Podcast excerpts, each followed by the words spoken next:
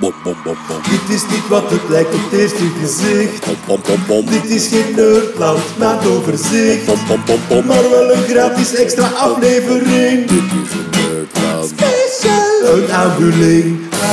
Met uw gastheer Lieven Scheire. Oh yeah. Een goede dag iedereen. Eh, we zitten hier samen in onze podcaststudio voor het lang verwachte deel 2 van de Autisme Special. Ik heb deel 1 nog eens herbeluisterd en dan zeggen we op het einde, ergens de komende maanden, Ja, dat is iets komt er een tweede deel. But then life happened. En, eh, dus ja, het is iets meer dan een jaar geleden zelfs, denk ik, hè? als ik me niet vergis. Eh, ik- Zeg maar rustig twee jaar, denk ik. Is het waar, ja? Ja, het Ja. zou kunnen. Ja, An- ja twee jaar, anderhalf jaar. Ja, zoiets. Sorry mensen. Ja. Dus eh, deel 1 ging over wat is autisme precies. En er was heel veel vraag naar een deel 2 over hoe ga je ermee om voor jezelf. Wat zijn handige tips en tricks. En ook hoe kan je als omgeving er zo goed mogelijk mee omgaan. Maar wie zit er bij mij vandaag? Dat is natuurlijk Stefanie Deunin. Hoi. eh, initiatiefneemster van eh, de podcast en ervaringsautist bij de, bij de Nerdland Crew Ja, eigenlijk. hè? officieel autistisch. Ja, voilà. Oké. Ilse Noens is er eh, weer bijgekomen, vorige keer ook. Mhm. Eh, professor en, wacht hoor, pedagogiek was het. Klopt. Maar dan specialisatie in, in autisme. Ja, dat klopt. Voilà, kijk, de, de academische kant is vertegenwoordigd. Elise Cordaro, ehm, bekend van onder andere de aflevering van Taboe, denk ik, Ja. over autisme. En uw boek ook, Anders gaat ook, Inderdaad. dat heel goed verkocht heeft, eh, heb ik gehoord. Ja, ja. Voilà. Ik heb het ook gehoord. Ja, er is duidelijk nood aan informatie van hoe ga je ermee om. Want daar gaat, daar gaat uw boek over. Hè? Ja. Hoe sta je in het leven met eh, autisme? En in uw geval ook met ADHD erbij. Inderdaad, ik heb een heel pakketje Je gekregen. hebt twee lotjes getrokken. Ja, goed, voilà, kijk. We gaan veel bijleren. En Sam, bekend als Tiestje. Ja. Ehm, ja, dat klopt. Je hebt een website, tiestje.com. Of Ja, het is een blog eigenlijk. Ja. .com is het, hè? Ja, .com, ja. Ja, ja, voilà. Eh, ja, ik ben ervaringswerker en eh, ik heb twee boeken geschreven. Oké. Ehm, eentje over gelukkig zijn. Ehm, dat is een beetje mijn levensmotto. Ja. Eh, en een ander over gedurfde vragen die ik gekregen heb gedurende 15 jaar eh, lezingen geven. Ehm, voor ouders, voor eh, andere, alle soorten mensen. Dus, ehm, en ondertussen ook via mijn blog. Ik heb ongeveer 5000 vragen gehad. En daar heb ik vijf- 54 vragen uit geselecteerd. Ah, dus je geeft echt ook lezingen? Ja, ik, geef heel, ik ga heel het land rond om vooral. Ik, ik ben van West-Vlaanderen, maar ik, ik kom daar eigenlijk nooit om lezingen te geven. Ik geef vooral lezingen in Limburg, in Antwerpen en in Brabant. Oké. Eh, dat zal waarschijnlijk door mijn taal zijn, denk ik. In West-Vlaanderen weten ze niet. Vlaams, heel West-Vlaams genoeg. Ah, ja, voilà. Ja, Oké. Ah, maar dat is goed. Kijk, voilà, dat is een, een eh, prachtig pakket. Daar gaan wij heel En ik veel... ben ook vrijwilliger bij een aantal voorzieningen, ook met mensen met een andersoortig autisme, zoals het mijne. Oké, ja. Dus ja. Goed, we hebben vorige keer ehm, ja, eigenlijk proberen vatten, wat is het nu? Ik heb dan vooral geleerd, it's complicated. Ehm, maar wat, ik, ga, ik, ga, ik ga wel proberen mijn les opzeggen. Oh-oh. Want we hadden vorige keer, hadden dan, hè, dus voor de diagnoses die jij ook stelt, eh, Ilse, ik herinner mij twee categorieën. Bij de sociale moeilijkheden. Moeilijkheden met het heen en weer gaan in een gesprek. Dus eh, aanvoelen wanneer is het mijn beurt, wanneer is het de andere eh, de beurt. Eh, dan ging het ook over Communicatie, non-verbale communicatie. Ah ja, het aanvoelen van non-verbale communicatie, juist. Ehm, het aangaan en onderhouden van vriendschappen zat er ook bij, Ja, denk ik. Relaties met andere mensen, Ja, inderdaad. voilà. Eh, en waren, waren dat de sociale? Het sociaal-communicatieve domein heb je daarmee inderdaad eh, herhaald, lieven. Voilà. En dan gaan we naar eh, gedrag, gedragingen en interesses. gedragingen en het tweede interesses. domein. Voilà. Ja. Ehm, repetitieve bewegingen zat daarbij. Dat kan, dat hoeft niet bij iedereen zo te zijn, maar dat kan zich uiten in Ja. repetitieve, repetitieve bewegingen of bepaalde interesses. Ehm, en dan hadden we verder moeilijke omgang met veranderingen. En graag eh, gewoontes en rituelen. Mhm, Ja. En dan was er nog, waren er nog twee, denk ik. Hè? Gefocuste interesses, Ah ja, de special interests. bijvoorbeeld. Ja, Ja. inderdaad. Ja. En dan de laatste waar we het over gehad hebben, is eh, bijzondere reactie op zintuigelijke prikkels. Ah ja, de overreactie op zintuigelijke prikkels of de onderreactie Mhm. Ja, op zintuigelijke klopt. prikkels. Voilà. Ja. En wat heel belangrijk was, vond ik, wat daar ook bij gezegd werd, is ehm, bijna niemand met autisme heeft ze allemaal. Dat kan, maar ze uiten zich altijd op heel verschillende manieren. En er zijn allerlei verschillende combinaties eh, mogelijk, waardoor alle mensen met autisme onderling heel verschillend zijn. Ja, voilà. Ja. En dus elk van die eigenschappen kan je eh, als iemand met autisme niet hebben. En elk van die eigenschappen kan ook voorkomen bij iemand die geen autisme heeft. Een kwestie van het duidelijk, Mhm. duidelijk te maken. Ja, het is een, een, eh, een moeilijk onderwerp. En misschien nog één ding om te herhalen, eh lieve. Ik denk dat we toen gezegd hebben, ja, dat is hoe autisme als diagnose gesteld wordt. Ja. Autisme spectrum stoornis, zoals dat in de handboeken staat. Dat is maar één manier om naar autisme te kijken. En we hebben toen ook gezegd van je kan eigenlijk op veel verschillende manieren naar autisme kijken. En eigenlijk zien we dat er een grote shift gaande is van het autisme vooral als een biomedisch gegeven zien naar iets als eigenlijk een uitdrukking, een uiting van neurodiversiteit. Ja. Een manier van anders zijn. eh, wat niet per se gepaard gaat met stoornis. Kan voor allerlei beperkingen zorgen. Hè. Daar zullen we vandaag denk ik ook wel eh, met elkaar over spreken. Ja. Maar dat hoeft niet per definitie altijd zo te zijn. Oké. Die diagnose is eh, niet simpel. Het is niet dat je een vragenlijst invult en dan een ja of nee krijgt. Jij stelt die diagnoses ook officieel. Ehm, laat ons daarmee beginnen. Wat na uw diagnose? Hè? Dus stel, je hebt zelf een diagnose gekregen of iemand in uw omgeving of uw kind heeft dat gekregen. What's next? Goeie vraag. Ik denk dat stap 1 heel vaak is om wat vertrouwd te geraken met wat is autisme eigenlijk. In het algemeen, maar nog veel belangrijker bij mezelf of bij mijn kind. Hoe uit dat autisme zich bij deze, bij deze persoon? Eh, en dan als volgende stap, en wat betekent dat dan naar mijn noden in het leven eh, toe, zowel voor mijzelf als voor mijn omgeving? Dus ja, informatie in het algemeen, maar vooral ook in het bijzonder, in het, in het specifiek. Ehm, en ik denk dat je dat vaak eh, al meekrijgt in zo'n gesprek met een eh, professioneel. Maar daarnaast zie je ook wel dat mensen heel wat eh, informatie zoeken in contact met eh, ervaringsdeskundigen. En ik denk dat dat ook heel goed is. Eh, want we leren bijvoorbeeld uit onderzoek dat mensen die hun informatie niet alleen bij professionelen halen, maar ook bij ervaringsdeskundigen, dat die vaak een veel genuanceerder beeld hebben. Niet alleen op de problemen en op de stoornissen gericht, maar net ook op al die andere manieren van naar autisme kijken. Dus eerst wat met autisme vertrouwd geraken en dan is daarna, denk ik, de volgende stap om na te gaan hoe je daar dan verder in het leven eh, een weg mee kan vinden. Eh, en daarin is het denk ik belangrijk om telkens twee perspectieven vast te houden. Langs de ene kant, ja, hoe kunnen we eigenlijk de omgeving maximaal zo inrichten dat die ene persoon daar het best tot ontplooiing kan komen? En langs de andere kant, ja, hoe kan je de persoon zelf handvatten geven? Hoe kan je de persoon zelf ondersteunen om, gegeven dat autisme, daar zo goed mo- mogelijk mee verder te kunnen in het, eh, in het leven? Dat is een soort van evenwicht. Eh, en dat evenwicht is denk ik niet altijd gemakkelijk te vinden. En dat is vaak ook een zoektocht. En dat evenwicht is ook voor iedereen anders. Eh, dus ik denk dat we daar vandaag zeker met elkaar over kunnen spreken. Ja, dus die, die eerste fase van echt die, die boeken te gaan lezen en naar een eh, lezing te gaan enzovoort. Dat is echt belangrijk. Van u eerst even in te werken in hoe gaan andere mensen daarmee om. Wat is het precies? Ik denk niet dat iedereen dat per se in lezingen of boeken zoekt. Ehm, sommigen ja, hebben dat het liefst in het directe contact met bijvoorbeeld de persoon die de diagnose heeft gesteld. Het kan zelfs in Eh, een podcast, heb ik gehoord. voilà, dat je het veel kan. informatie krijgt. Het kan via een podcast, het kan denk ik op heel veel verschillende manieren. En ik denk dat je als, als persoon moet zoeken wat het beste bij je past. Hè. Ja. Eh, er zijn bijvoorbeeld ook eh, inleefactiviteiten die georganiseerd worden voor mensen uit de omgeving. Waarin je langs de ene kant kennis meekrijgt, maar we hebben intussen ook wel geleerd dat die langs de andere kant ook attitudes eh, ten opzichte van mensen met autisme kunnen eh, veranderen. Dus er bestaan heel veel verschillende manieren om autisme te leren kennen. En ik denk dat het goed is om daar je eigen weg in te zoeken. Oké. Hoe was het voor jullie? Na de diagnose, wat waren jullie eerste stappen? Mijn eerste stap was eigenlijk mij afvragen waarom ik nu autisme zou hebben en niet al de vorige diagnoses die ik gekregen had. Want ja, ik denk dat, dat, dat er wel een aantal mensen zijn die een hele traject afleggen voor ze een diagnose autisme krijgen. Ik heb op dit moment 26 diagnoses van de DSM gekregen, als ik ze allemaal optel. Ehm, Is dat een soort spel tegen elkaar, ondermeest? En dan ook ik heb dat een, niet ged- erom gedaan, maar met een bingo-kaart dan ook? als ik bij de huisdokter kom, zegt hij van eh, welke diagnoses mogen er nu eindelijk weg? Want mijn scherm staat vol. En dat zijn dan, ik heb nog fysieke diagnoses ook. Dus allee, soms ho- hoort men dat in het psychosomatische ook. Ehm, Dat is het eerste wat ik denk. En het tweede, ehm, als ik ehm, over mijn diagnose autisme kreeg, was het vooral, ehm, ja, wat kan ik er concreet mee doen? Wat zijn de verwachtingen dat mensen hebben over iemand met autisme? Of dat verkeerde verwachtingen zijn. Of, en ik, heb daarvoor, ik ben daarvoor naar een optiecoach gestapt. Ja.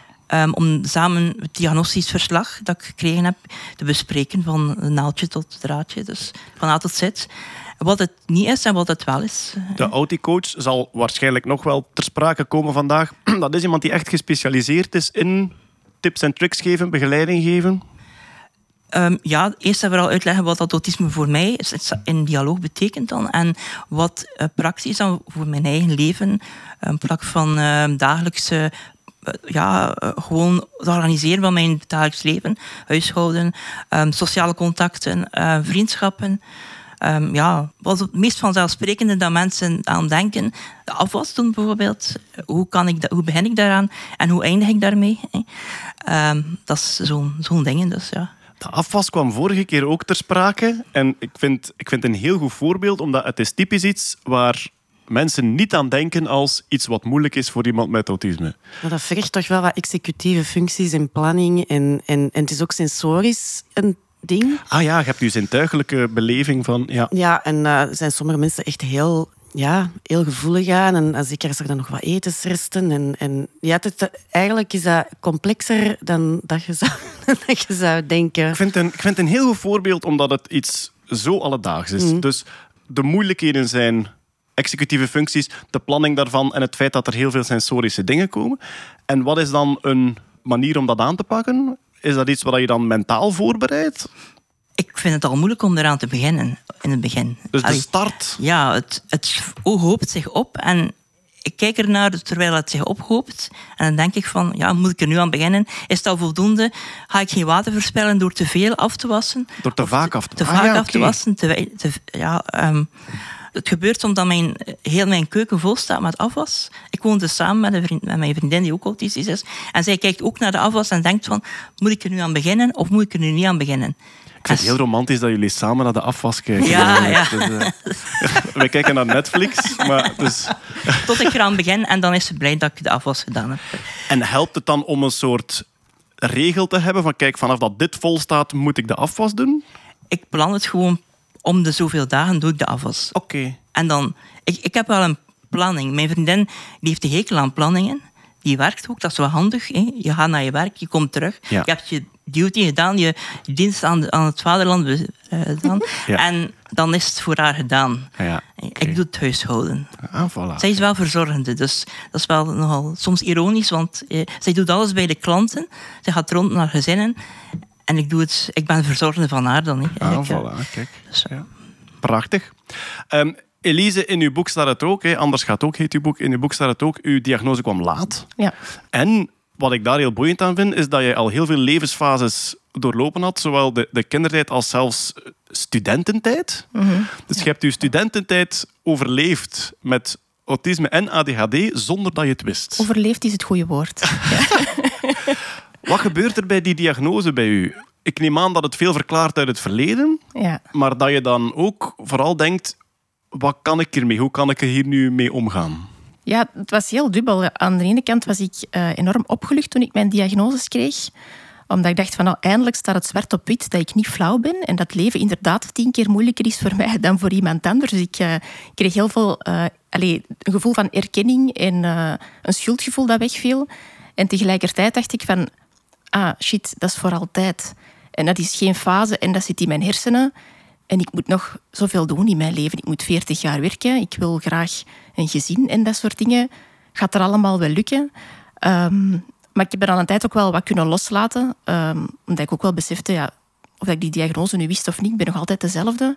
En ik heb al veel kunnen doen. Dus ik, eh, ik ga gewoon doen zoals ik altijd heb gedaan. En dat is heel veel trial and error en heel veel eh, probleemoplossend denken. En overal eh, mijn maniertjes voor zoeken om mij er overal door te slagen. Dus eh, ja. Welke, welke moeilijkheden werden voor u verklaard? Wat was voor u de aha-erlevenis van ah, daarom was dat en dat en dat zo moeilijk? Ehm, ja, voor, wat ADHD betreft, vooral mijn, mijn concentratie die heel moeilijk was om te kunnen studeren. Ik heb overal, oh, ik denk tien keer langer over gedaan dan iemand anders. Eh, andere dingen zijn ja, redelijk klassiek boos worden wanneer uh, plannen veranderen. Of inderdaad het, het huishouden dat bij momenten wel eens vierkant draait. Wat bij mij het, het moeilijkste is, is enorme vermoeidheid. Ik voel me altijd heel hard gesloopt. En zelfs nadat ik mijn diagnose had gekregen, was dat nog altijd geen verklaring. Omdat dat ook niet in de DSM staat. En mijn psychiater had ook zoiets van... Ah, vermoeidheid, ik weet niet. en dan ben ik zo zelf een beetje op onderzoek uitgegaan en, en zelf wat gaan nadenken en mij verdiept in wetenschappelijke artikelen. En dan heb ik ontdekt dat het eigenlijk toch wel door heel veel verschillende aspecten van, van autisme en ADHD komt, dat, uh, dat die vermoeidheid daar is. Uh, dus uh, ja, dat is ook wel fijn om, om te weten waar het vandaan komt. En het is pas wanneer je weet wanneer een probleem, waar een probleem vandaan komt en dat je het begrijpt, dat je ook kunt beginnen met er iets aan te doen en kunt anticiperen, omdat je dan nu op voorhand weet, ah, als ik dat of dat ga doen, ik ga moe zijn, dus ik ga mijn voorzorgen nemen door te doseren of door dat te doen. Of, dus uh, dat, in die zin is een diagnose voor mij wel echt een redding geweest. Ja, wel, Dirk noemde het vorige keer de onzichtbare rolstoel.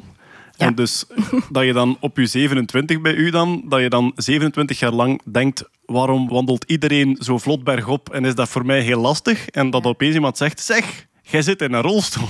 Ja. dat is dan opeens eigenlijk wat die vermoeidheid ook wel kan verklaren. En het feit ja, dat ik vergelijk, ik vergelijk het vaak met dat, dat we zo allemaal een, marathon lopen en iedereen loopt gewoon rustig op de weg met lange benen en ik heb kleine beentjes en ik zie een zeef aan stroop en ik raak niet vooruit en elke stap is moeilijk en ik zie de rest maar mij voorbij hollen en ik moet eh, honderd keer meer moeite doen om iedereen te kunnen bijbenen. Zo, zo voelt het eigenlijk. Uh, je zegt net van het is een, een mengeling van opluchting, het verklaart veel en ook een beetje bezorgdheid van tja, dit is nu wel iets waar ik de rest van mijn leven mee, mee om moet. Um, wat heb je snelst veranderd? Wat zijn de dingen die je snelst aangepakt hebt van oké, nu ik dat weet, ga ik zo in het leven staan? Um, ja, om te beginnen ben ik niet meer kwaad op mezelf als dingen niet lukken. Dat is al veel waard. In plaats van heel te denken, waarom lukt dat niet? Waarom ben ik zo moeilijk? En kan ik niet gewoon even normaal doen? Dan denk ik, ah, maar ik ben normaal voor mij. Dat is vooral dat besef van, ineens, allez, zeker als je daar boeken over leest en denkt van, ah, maar alles klopt. Alles, is, alles klopt met, met mijn diagnose, met wie dat ik ben. Dus eigenlijk is alles oké. ik, ben niet, ben niet raar, toch niet in de context van uh, allez, die neurodiversiteit dan. Ja. Uh, dus dat doet al veel. Um, ja, en zoals ik zei, dan uh, beginnen met, met manieren te vinden om, om de dingen voor mij aangenamer te maken. Mijn, mijn insteek is altijd, hoe kan ik het voor mij gemakkelijker maken? Heb je concrete dingen in het dagelijks leven? Iets wat je echt doet van, dit maakt het voor mij gemakkelijker? ja, dat zijn, dat zijn heel veel kleine dingen. Bijvoorbeeld, toen ik ben beginnen werken en beginnen samenwonen, dan had ik gemerkt als ik s'avonds aan mijn werk thuis kwam en ik moest dan nog gaan denken van, ah ja, ik moet nog iets eten vanavond, wat ga ik eten? En dan iets bedenken, en een recept opzoeken, dan die receptenlijst en dan mijn ingrediënten en dan naar de winkel gaan en dan naar huis gaan en dan beginnen koken en dan eten. En dan was het tien uur s'avonds. En dacht ik, oei, en ik ga veel te laat in mijn bed liggen, ik moet er morgen om zes uur uit. Dat gaat niet. Ja. en er zijn veel mensen die dat leuk vinden, van ah, joepie, ik ga zien waar ik vanavond zin in heb. Ik vind dat helemaal niet leuk. Dus dat zijn zo ik kan niet, als ik heel dag heb gewerkt, nog beslissingen gaan nemen s'avonds. Ik kan niet meer nadenken. Ik kan amper mijn eigen naam nog schrijven. Dus ik moet zien dat ik uh, goed zorg voor mijn toekomstige zelf. Dus wat ik doe is, ik maak op voorhand een weekmenu. Ik ga één keer per week naar de supermarkt, want daar heb ik een hekel aan. Ik koop alles, alles staat gepland, dus ik kom s'avonds thuis. Ik kijk gewoon naar mijn planning. Vanavond ga ik deze maken, ik begin dat te maken. Of ik heb al dingen op voorhand gemaakt die in een diepvriezer zitten, of ik heb mijn rijst al gekookt en is dat ook al in de ijskast en zo. En dan op die manier maak ik het voor, uh, voor mijzelf gemakkelijker en uh, heb ik tenminste eten in mijn buik. In plaats van zoals vroeger een pak koeken of een zak chips, toen ik nog geen, uh, nog geen tactieken had ontwikkeld. We hebben al, we hebben al een, een mooie zin. Goed zorgen voor uw toekomstige zelf. Ja. Dus eigenlijk wat je, je anticipeert op momenten dat je weet van dan gaat het niet meer lukken. Ja. Ik ga nu al een beetje zorgen dat ik mijn toekomstige zelf begeleid op dat moment. Je komt toe en de planning is er, geen beslissingen meer uitvoeren. Ja, ik heb dat zelfs gedaan toen ik ben een paar weken geleden op vakantie geweest. Ik ging terug thuiskomen op zaterdag uh, namiddag, late namiddag. Dus ik heb dan ook ervoor gezorgd dat voor ik op reis vertrok, dat mijn weekplanning voor de week na mijn verlof klaar lag. Al mijn to-do's wat ik moet doen. Want als ik terugkom op reis, dan ben ik alles zo vergeten. Ik herken mijn eigen huis niet. Dat is, ah, wat, wat kom ik hier nu weer doen? Waar is mijn werk? Wat doe ik? alles is zo weg. Alles is heel ver. En ook mijn weekplanning lag klaar en mijn boodschappenlijst. Ik ben thuisgekomen op zaterdag. Ik heb mijn lijstje gepakt, ben naar de winkel gegaan ik wist begot niet meer waarvoor ik al die ingrediënten nodig had. Maar achteraf dacht ik, ah ja, dat was voor dit en zo. Omdat, je zit er allemaal vergeten, maar omdat ik er allemaal al had opgeschreven, moest ik daar niet over nadenken. Dus ik kon gewoon allee, half hersendood naar de winkel gaan en terugkomen wat ik nodig had. En zo is alles goed gekomen. Ja, maar dat is al een gouden tip. En stel, zoals vroeger, dat je dat niet gedaan had. Hè. Dus stel dat je je voorbereiding voor je toekomstige zelf niet klaar liggen had. En je komt thuis van die reis. Wat gebeurt er dan? Ehm, ja, dan zou ik eerst nog... Ja, nee. Ja, niks. Ik zou met mijn hoofd nog zo ergens in het buitenland zitten en dan de volgende dag op zondag denken van ah, maar wacht, ik moet morgen werken. Ah, ik moet boodschappen doen. Ik heb gegeten. Ah, het is zondag, de winkel is dicht. Ja, ja. Ah, nee. En dan zo... Ja, ergens in een of andere supermarkt dat op zondag open is, veel te dure dingen gaan halen die ik waarschijnlijk niet nodig heb, omdat ik niet heb nagedacht over wat ik eigenlijk moet kopen. En dan op maandagavond geneten hebben en op zondag eigenlijk ook niet. En Oké. ja, dan zou het een beetje heel chaotisch zijn en het zou vooral enorm veel energie vragen. Maar dat, op dat moment dat is heel stresserend. En ja, je moet, je moet beginnen nadenken terwijl dat je er eigenlijk veel te moe voor bent. Dus dan zou ik mijn eh, werkweek al helemaal uitgeput beginnen. Het klinkt een beetje als, als mijn leven. Zo op zondag van alles bedenken en dan in een te kleine supermarkt te dure dingen kopen. Alleen, en dat vind ik dan ook wel weer boeiend, ik heb daar geen last van. Dus ik loop daar dan doorheen. Ik loop een beetje fluitend door de chaos. En eh, goed, ja, dan eet ik rijst met ketchup. Dan is het zo eigenlijk. Hè. Maar, maar ik heb er geen mentale vermoeidheid van. Is dat dan het grote verschil, Stefanie? Dat, dat die chaos ook bij andere mensen voorkomt, maar dat, dat die belasting minder is? Ja, ik kan dat natuurlijk moeilijk vergelijken, maar ik denk, ik, dat is misschien eerder een vraag voor Ilse, ik vermoed van wel, maar wat ik daar wel ook wel bij kan bijzeggen, is dat je dan weer dat schuldgevoel hebt. Hè? We hebben daar zelfs een naam voor, de ADHD-tax. Dat is de belasting die je betaalt op eh, dingen vergeten, hè, aanmaningen van facturen of inderdaad hè, naar de te dure supermarkt gaan en 7 euro voor een pak eh, wc-rol betalen. Hè. Dus, maar, en ook hoe, hoe hard dat je ook weet van ja, eigenlijk is dit normaal. Voel, bij mij toch, ik voel me dan toch nog altijd een beetje van, "Wauw, dat hadden we toch beter, allee, dat hadden nu wel beter kunnen doen. En dat is een onaangenaam gevoel. Ja, ja. ja. Ah, trouwens, ja, je hebt ook de prachtige combinatie Yes. autisme en ADHD. Yep. En ik heb, ook, ik heb er drie. En ik heb ook nog een gegeneraliseerde angststoornis. Ah, oké. Ah, maar die heb ik dan. Ja, Voilà, we, zijn, we zijn echt bingo Wij zijn aan het echt spelen. Ja. Pokémon, We zijn echt eh, bingo aan het spelen, ja. ja. Voilà. Angst heb ik ook. Ja. Nou, ja, goed. Ook goede manieren om daarmee om te gaan, natuurlijk, die ik gelukkig meegekregen heb. Eh, we gaan bij u nog komen bij de diagnose. Dus ehm diagnose is gesteld. Ook bij u hebben we vorige keer al gezegd, op latere leeftijd. Wat zijn de dingen die je snelst aangepakt hebt en veranderd hebt? Ja, nu, ik ben gediagnosticeerd na mijn zoon. Ja. Dus eh, ik denk... ik weet niet meer hoe lang dat ertussen zat. Ik, ik heb toch wel lang op een wachtlijst gestaan. Ik denk dat het al een paar jaar zijn dat ik eh, na zijn diagnose ben gediagnosticeerd. Dus ik, het was niet nieuw voor mij. Ehm, het is ook natuurlijk ja, door de diagnose van mijn zoon dat de frang is gevallen. En dat is eigenlijk dan vooral de partner, allez, de, de papa van mijn zoon, die zei van... We krijgen dan natuurlijk vragenlijsten die we moeten invullen. Je hebt dat diagnoseverslag. En de papa zei van... Ja, maar dat is jij, hè. Dat is, dat is jij echt. En ik had inderdaad, zoals we vorige keer gezegd, ook al eh, serieus wat, wat diagnoses van de DSM gekregen. Eh, eetstoornissen, depressie. Ik heb... Allez, kan niet te diep gaan, maar allez, ik ben diep gegaan, ik zal het zo zeggen. Dus dat viel allemaal wel een beetje op zijn plaats. En ik had ook, toen dat de zoon was gediagnosticeerd, heb ik een jaar eh ouderenbegeleiding gevolgd. Dat was ook in de praktijk waar dat hij is gediagnosticeerd. En autisme is mijn special interest geworden. Dus ik heb daar dan, eh, ik weet niet hoeveel over gelezen. En, en allee, ehm, daar echt heel hard mee aan de slag gegaan. Ehm, ik weet nog dat de praktijk van waar dat de zoon is gediagnosticeerd, ik had zo bijvoorbeeld dingen gemaakt voor op school. Hè, want je moet natuurlijk aan school gaan uitleggen van, ja, kijk, mijn kind heeft een diagnose. Maar als je dat, zoals Ilse zei, als je gewoon zegt, ja, die is eh, autistisch, ja, dat zegt niks. Hè. Allee, je moet dat een beetje concreet maken. Dus ik had zo wat dingen gemaakt, zo'n soort handleidingen. En ook zo van, ja, hè, als hij een meltdown krijgt, en dan met, met echt zo stappenplannetjes. En, die, en allee, very autistiek. En eh, ik weet dat ze dat in de praktijk nog eh, hebben gezegd van, oh, mogen we dat gebruiken voor andere mensen? Allee, hè, zo Super. templates gemaakt en zo. Dus ja, ik ging all in, uiteraard. Dus ja, tegen dat ik mijzelf mijn diagnose kreeg, was dat zo van, ah ja, allee, dat is dan, dat is dan geregeld nu. En ik ben dan ook wel naar een auticoach gegaan om echt specifieke problemen aan te pakken. En dat zal het zo wat... Ja, en, en natuurlijk, ja, eh, ik heb dan Elise en, en Sam en zo leren kennen. Ik ben wel op zoek gegaan naar, eh, andere autistische volwassenen. Ja, oké. Het woord meltdown eh, valt hier. Wat is dat precies? Hoe herken je dat en hoe ga je daarmee om? Zowel voor jezelf als, als, als het uw kind is. Misschien beginnen met wat is het eigenlijk? Hè? Wat gebeurt er?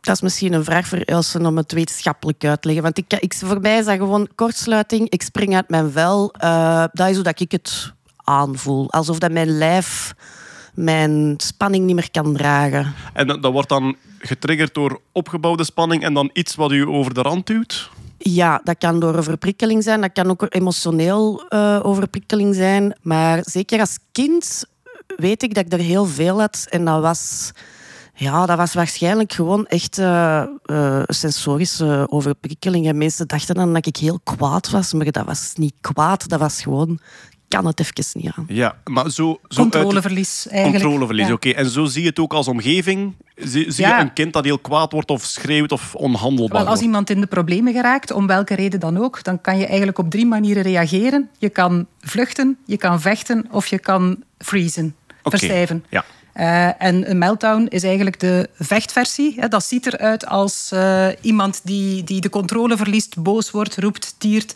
slaat, schopt. Dat ziet er bij mensen heel verschillend uit. Iedereen heeft zijn eigen manier om eh, te ontploffen, bij wijze van spreken.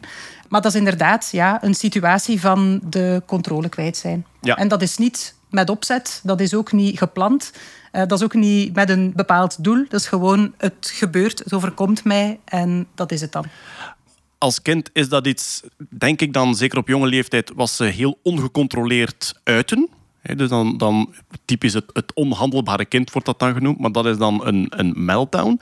Ehm, als volwassene, hoe uitzicht hoe uitzicht dat dan? Ehm, ik weet niet of iemand van jullie in de supermarkt nog eh, schreeuwend op de grond ligt en dingen uit de rekken trekt. Je hebt Nee. meer zelfcontrole natuurlijk, hè? Nee, maar ik ben wel al eh, twee keer uit een IKEA gelopen. En van, nee, het gaat niet, het gaat niet, het gaat niet. En dan nog met mijn kleine erbij. En natuurlijk ga ik dan niet... Allee, ga ik dan geen stoelen en banken om beginnen smijten.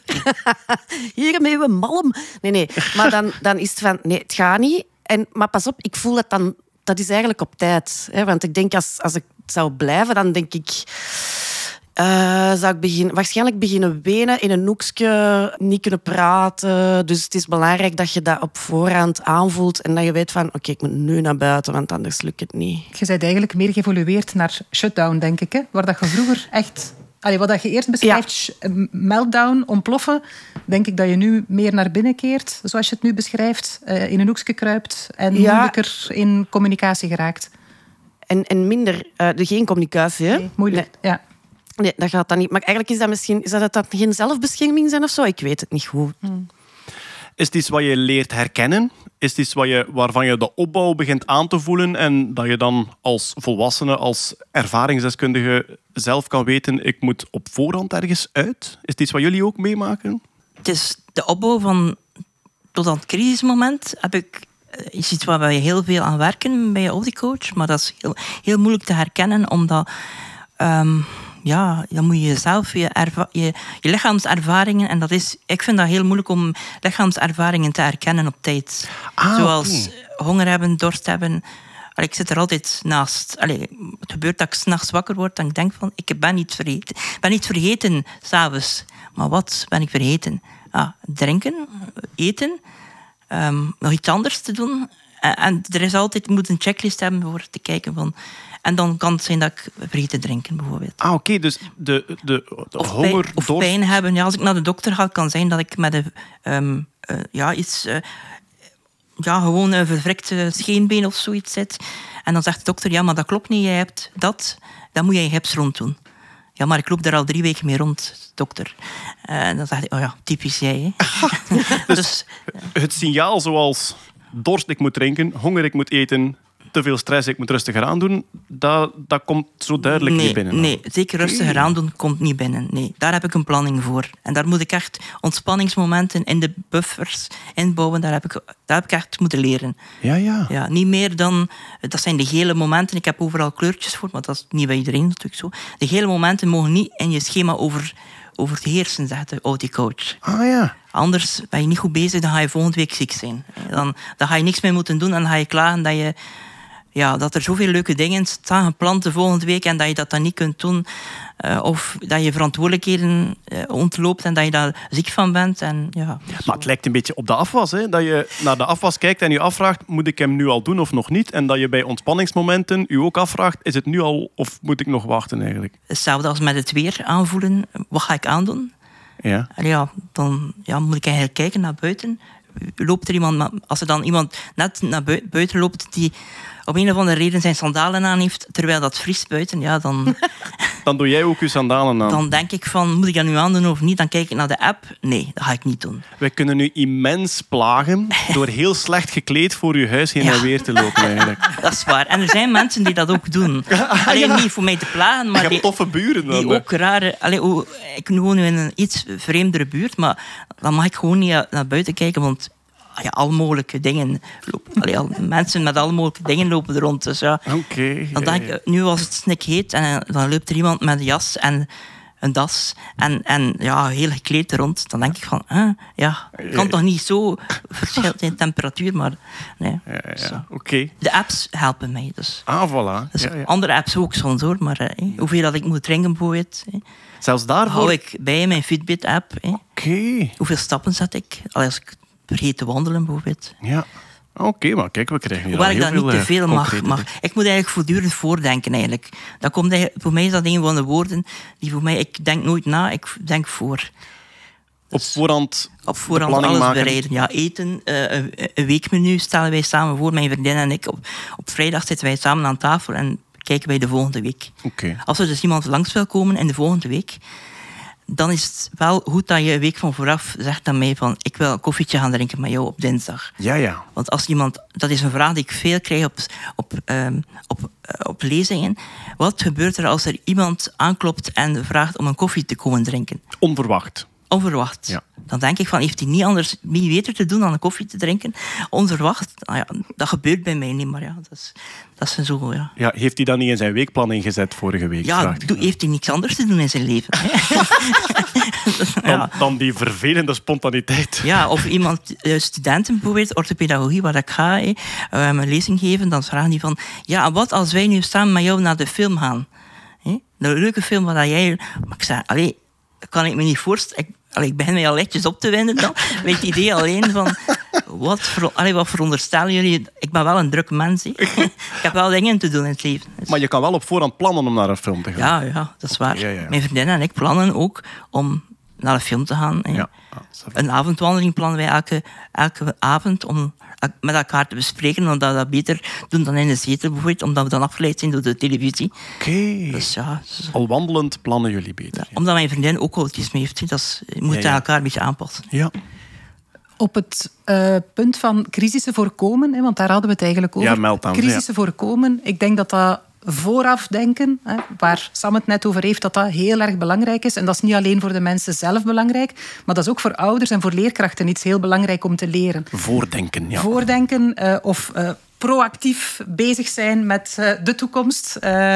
Vaak zie je dat, dat ouders, maar ook leerkrachten wachten tot het eigenlijk al te laat is. Hè. Ja. Als kinderen of volwassenen al in de opbouw zitten naar dat crisismoment, ja, dan komt die meltdowner of dan komt die shutdowner, dan kan je dat eigenlijk niet meer voorkomen. Het is eigenlijk de kunst om de signalen al vroeg te leren zien of om zelfs al op voorhand in te bouwen dat het niet tot die signalen gaat komen. Ja. Bijvoorbeeld op scholen. Hè, eh, eh, ik zeg nu maar, eh, kinderen hebben bijvoorbeeld moeite van het voortdurend in die sociale context zich handhaven.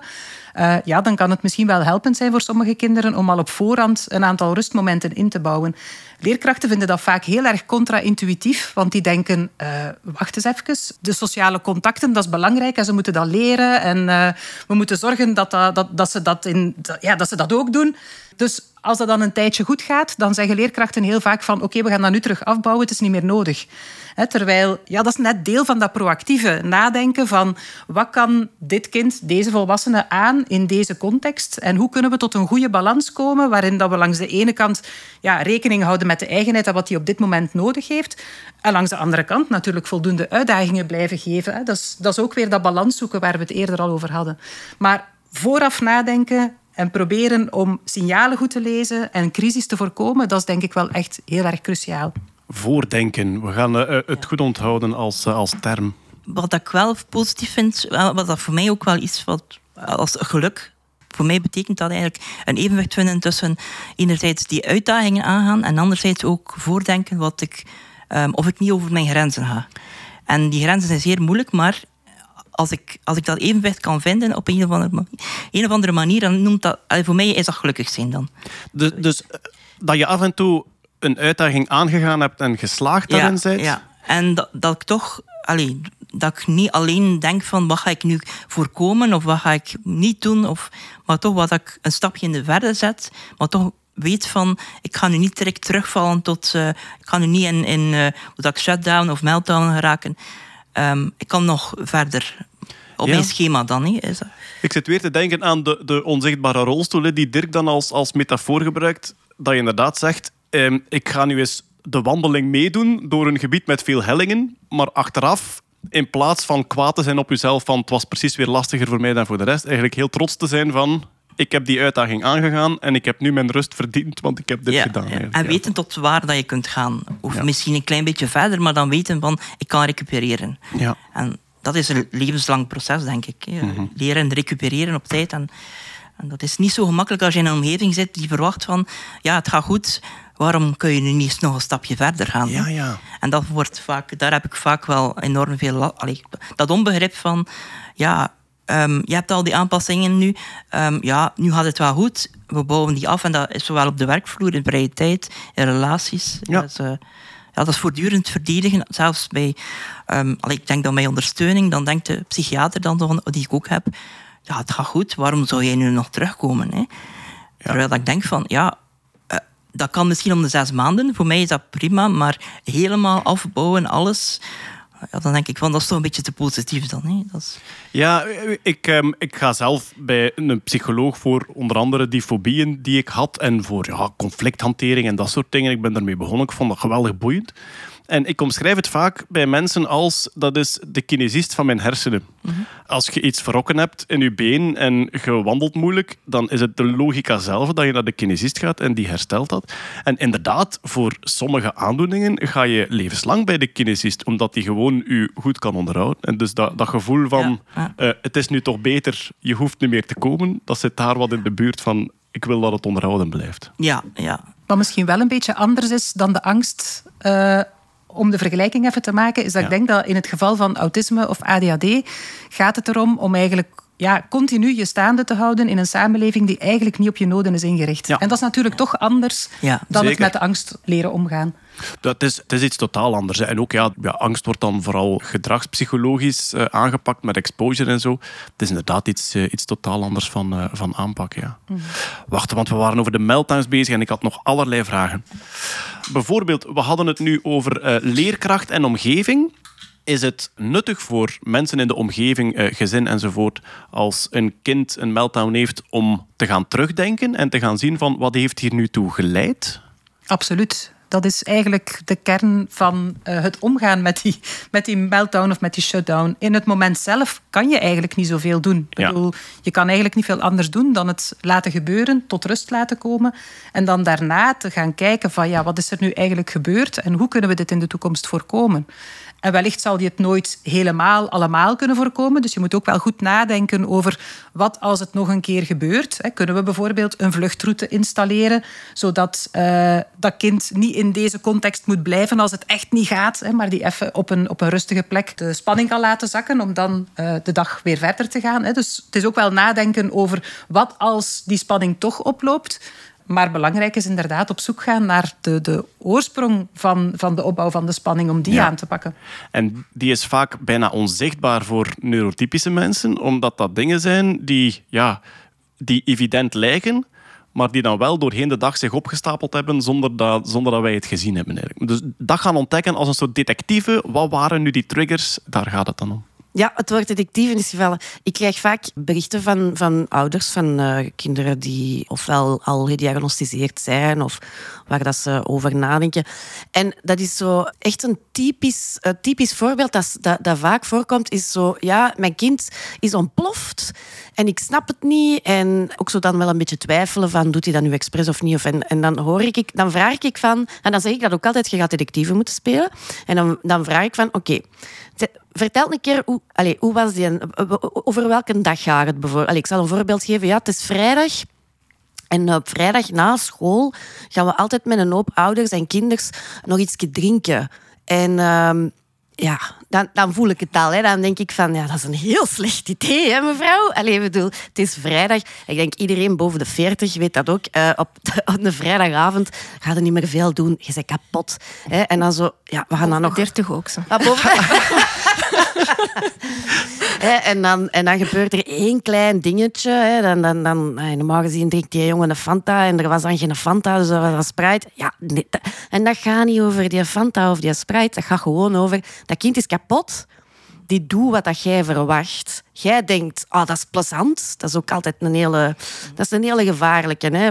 De, dingen die je zelf plezant vindt of je eigen sociale motivatie projecteren op je kind, dat is, dat is heel gevaarlijk. Dus dat is zo'n typisch voorbeeld. Ehm, ja, SWAT komt eigenlijk altijd da- daarop neer. En dan, dan zeg ik altijd van, oké, we gaan een beetje achteruit. Hè. Je moet eigenlijk heel de dag bekijken. Want uiteindelijk het moment dat dat kind ontploft, meestal is de aanleiding daar niet zo belangrijk. Is dat gewoon de druppel, het Ja, spreekwoordelijke druppel eigenlijk. Hè. En merken wat aan het overstromen is. Ja. Maar het kan ook, het kan ook moeilijker. Hè. Bijvoorbeeld, ik herinner mij een, een, eh, een, ehm, een situatie. nu, Dat was, op, dat was een, een reportage van een of andere bekende zanger. En die had een eh, jong kind, ik denk ja, een jaar of twee, drie of zo. En je wou nooit in de living komen. En als hij in de living kwam, dan begon je te wenen. En er was iets met die living, maar wat was dat nu? En wat bleek? Dat was gewoon het tapijt.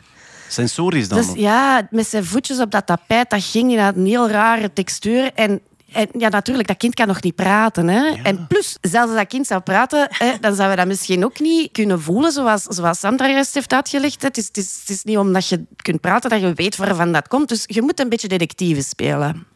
Zowel voor uzelf dan, hè, hoor ik jullie nu zeggen van ik, ik moet voor mijzelf gaan onderzoeken van waar komt dit allemaal. Maar als ouder, wel, maar ik ga misschien toch nog even teruggaan naar wat doe je op het moment zelf van een meltdown. Want ik denk dat mensen daar soms radeloos zijn.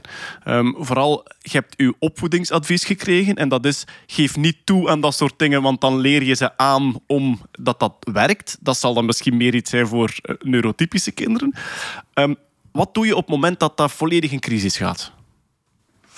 Ehm, vooral niet praten, niet beginnen converseren en wat is er nu en dit en dat. Nee, nee, nee, praten, dat doen we later. Gouden Ehm, tip, ja. Dus uit de, de- als het in een drukke omgeving is, of weet ik dat zei Ilse daar juist ook, uit die drukke omgeving gaan en gewoon rust. Weinig prikkels, misschien iets, iets drinken of zo, dat kan ook wel, hè, een beetje suiker. Maar vooral eh, zoveel mogelijk met rust laten. Sommige kinderen zijn gebaat met diepe druk, maar dan moet je, dat is dan ook weer trial and error. Dus allez, je moet ze nu niet gaan klemzetten. Allez, je moet niet kinderen gaan klemzetten, Wel- maar dat is iets wat dat je eigenlijk zou kunnen ontdekken. Van, wordt dat kind daar rustig van? Niet op dat moment zelf. Maar diepe druk is dan bijvoorbeeld met die weighted blankets, van die hele zware dekens die dan Ja. goed druk geven. Ja, maar kan dat ook door Dat kan- vastpakken Dat zijn? kan Of- ook een dikke knuffel zijn, maar dan moet je dan wel even, misschien best op voorhand, even eh, gaan, gaan uitdokteren van is dit iets wat werkt? Maar op de meltdown moment zelf ehm, alle prikkels weghalen en wachten tot dat over is. Is een kamertje apart met een tablet dan bijvoorbeeld iets? Want ve- velen hebben zo een, een vast filmpje. Zo, kinderen hebben heel vaak een vast filmpje waar ze rustig van worden of wat ze graag zien. Dat kan, maar het is eigenlijk vooral eh, ontdekken met het kind eh, wat op zo'n moment voldoende rust geeft. Hè. Voor sommigen kan dat eh, mandala's kleuren zijn. Ja. Iets doen kan, kan eigenlijk ook een perfecte oplossing zijn, maar dan niet iets doen waar, wat dan nog gerelateerd is aan die moeilijke situatie. Nee, gewoon even iets anders doen. Het hoofd op iets anders zetten of het hoofd vooral op niets zetten, op iets doen. En dat weet je best op voorhand. Dus je leert best voor de meltdown al een beetje de ideale vluchtroutes of kokonnetjes of echt rustgevende dingen van je kind kennen. En op het moment zelf opties geven zal niet helpen waarschijnlijk. Wil je nu dit of dat of dat doen? Oh nee, nee, nee. Nee, echt. En ik, ik, ik haal me daarop niet... Dat is niet praten, toch, hè, Els? Allee, dat vind ik een hele belangrijke... Dat was toch bij mijn eh, zoon zo en bij mijzelf ook. Als, als, ik, als het te veel is en je begint dan tegen mij te praten, dat is heel gevaarlijk, want het zou kunnen dat ik je een klap verkoop. En dat is echt niet omdat ik... Maar dat is gewoon... Ja.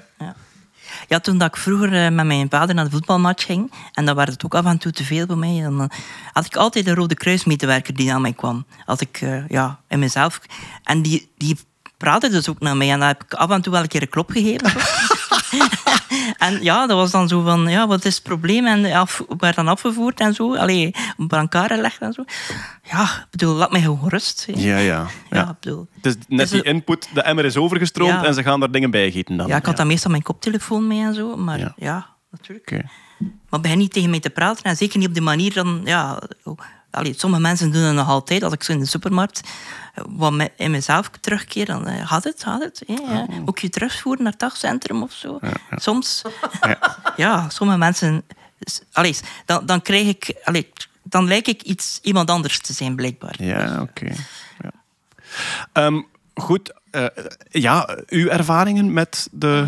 Ja, ik heb niet direct meltdowns of shutdowns, denk ik. Misschien wel, maar heb ik nog altijd niet door dat ik ze heb of zo. Ik heb wel, ja, zoals ik al zei, heel zware vermoeidheid, heb migraines. En die komen heel vaak met vertraging. Dus ik vind dat ook heel moeilijk. Ook al weet ik waar vermoeidheid vandaan komt, toch op het moment dat ik ineens dat die vermoeidheid mij overvalt, denk ik... Heb ik nu in godsnaam gedaan dat ik zo moe van ben? Of ik heb soms een, redelijk rustige week en dan lig ik heel het weekend in de zetel te slapen. Ik raak er niet uit, ik kan niks doen. En denk ik, maar waarom ben ik nu zo moe? Heel vervelend. En ehm, ja, ook een beetje wat, wat Sam daar straks zei van, van die grenzen. Eh, zeker als je een late diagnose hebt gekregen, is het heel moeilijk om te weten waar je grenzen liggen. Omdat je heel je leven niks anders hebt gedaan dan die volledig te negeren en daar heel hard over te gaan. En zelfs als je dan je diagnoses krijgt en je moet die dan gaan zoeken, is het moeilijk, want mensen zijn dat gewoon van dat je dat of dat doet. Of zeker als je gewoon eh, in het werkcircuit zit en voltijds werkt en, en sociaal leven hebt, is dat heel moeilijk om... Ja, mensen zien het niet aan u, die onzichtbare rolstoel. En, en dan is het eh, ja, heel moeilijk om, om je grenzen aan te geven, omdat je ook voelt dat, dat dat helemaal niet begrepen of geaccepteerd wordt door anderen. En voor een deel ook niet door jezelf, omdat je nooit gewoon bent geweest om daar rekening mee te houden. En ik heb mijn diagnose nu zeven of acht jaar of zo. En ik weet eigenlijk nog altijd niet goed waar mijn grenzen liggen. Het is nog altijd zoeken. Dus ik kan zo hier en daar wel... Heb ik bepaalde grenzen gesteld, zoals ik doe één sociale activiteit per weekend. Eh, soms gebeurt dat er iets onverwacht bij komt en van ja, maar ja, die is jarig en je toch maar één keer. ah. En dan, dan moet je daar zo toch maar naartoe of maar even. Maar dat zijn van die bepaalde regels die ik voor mezelf al wel heb, maar ja, veel meer. Ja, ik vind, ik vind het nog altijd heel, heel moeilijk. Het is heel hard zoeken nog altijd. Uw detectivewerk is nog bezig. Ja, ja, absoluut. Ah, wel, ja. Grenzen is ook altijd onderhandelen, heb ik de indruk. Als ik, een mooi voorbeeld is het, ons kerstfeestje. dat met de hele familie zitten wij dan samen aan tafel. Allee, iedereen komt dan eerst te- tevreden toe en komt dan met ruzie dronken naar buiten. Dan, hè. Dat is zo'n klassieke kerstfeest. Maar eh, wij wilden daar ehm, een tijdje geleden niet meer naartoe gaan, omdat dat zodanig eh, ja, prikkels en al dat eten en zo en alles staan. Ik heb echt iets met eten ook. Ehm, maar dan hebben we voorgesteld, mijn vriendin en ik, om ehm, alleen maar voor het hapje en het drankje te komen en de cadeautjes en dan iedereen een hand te geven en dan weg te gaan, zodat de ouderen konden blijven eten. En op dit moment, eh, een aantal jaar, is die 15 minuten altijd maar verder gegaan. Dus, maar we weten altijd dat we altijd kunnen weggaan als we willen. En dat de alternatief is altijd, voor mij is dat het belangrijkste eigenlijk. Als ik ergens naartoe ga, zeg ik altijd, ik blijf tot zo laat. En, of ik kom maar vijf minuten. En dan zijn ze soms al tevreden mee, mensen, dat ik al geweest ben, dat ik mijn, alleen mijn goede mijn goede ingesteldheid toon. En als ik weet dat ik dan weg kan, dan is dat geen probleem. En op dit moment blijven we alle anderhalf uur en vragen ze... alsjeblieft, ga weg, we willen aan, we willen aan eten. zolang, dat je, staat klaar. Hè. Als- zolang dat je er bent, beginnen ja, ze beginnen niet- ze niet te eten. Hè. Oké, ja, ja, ja, dat is, ja. eh, dus ze zijn eigenlijk al blij dat we dan anderhalf uur vertrekken. Ja, je bent een beetje de zonsondergang van de Ramadan eigenlijk. Ja, Vanaf, dat, eigenlijk jij, wel, ja. vanaf dat je weg bent. Wel, ja. Maar dat vind ik een heel belangrijk punt. En ik heb het ook in de voorbereiding opgeschreven. ehm, dat uw omgeving weet wat een inspanning is voor u. Mhm. Want ze kunnen, ze kunnen ook uw inspanning niet appreciëren als ze denken dat het iets evident is. Hè. Dus dat, Ze dat- moeten dat leren, echt leren zien, welke inspanning dat we geven. En niet zeggen van, waarom kun je dat niet? Ik, dat is Ja. iets wat dat wij, mijn coach mij geleerd heeft. Kijk naar de goede dingen dat je kan. En probeer je niet schuldig te voelen over wat dat je niet kan. Hè. ja. En, en dat moet je omgeving ook leren eigenlijk. Ja. Ja. Ja, dat is zelfs een algemeen principe in assertiviteit en conflicthantering. Is als je een inspanning levert, zorg dat je omgeving het kan weten, anders kunnen ze het niet appreciëren. En ook als je iets vraagt van iemand, als je een inspanning vraagt, dat je het ook zo benoemt. Hè. Dan, ja, daar gaat veel in verloren algemeen. Dingen die mensen evident vinden, die ze niet meer kunnen appreciëren als het eigenlijk een inspanning is. Mensen vinden het bijvoorbeeld heel evident dat je iets kookt. Maar als, je, als, als ik zeg van ik kook nu die maaltijd en dat is mijn, ik, ik heb één maaltijd dat ik kook. En dan zeggen ze van ja, maar je kunt dan dat en dat en dat ook nog koken. Dat is niet zo moeilijk. Dan zeg ik van ja, als- hoela, ik, ik heb daar heel lang over geoefend om dat goed te koken. Allee, ik, Ja. Een beetje perfectionistisch misschien ook wel. Ehm, kijk naar dat, dat is positief, maar vraag dat niet zo. En dat heb ik bij werksituaties, dat ik dat ook veel. Van een baas die altijd maar meer en meer en meer wil.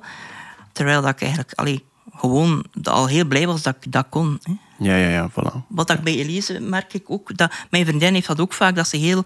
s namiddags, zij werkt alleen maar eh deeltijds, eh, grote, goede deeltijds. En dat ze eigenlijk na haar werk niks meer kan op de zetel ligt. En dat ze echt heel vermoeid is. En daar vullen wij elkaar wel aan. Ja.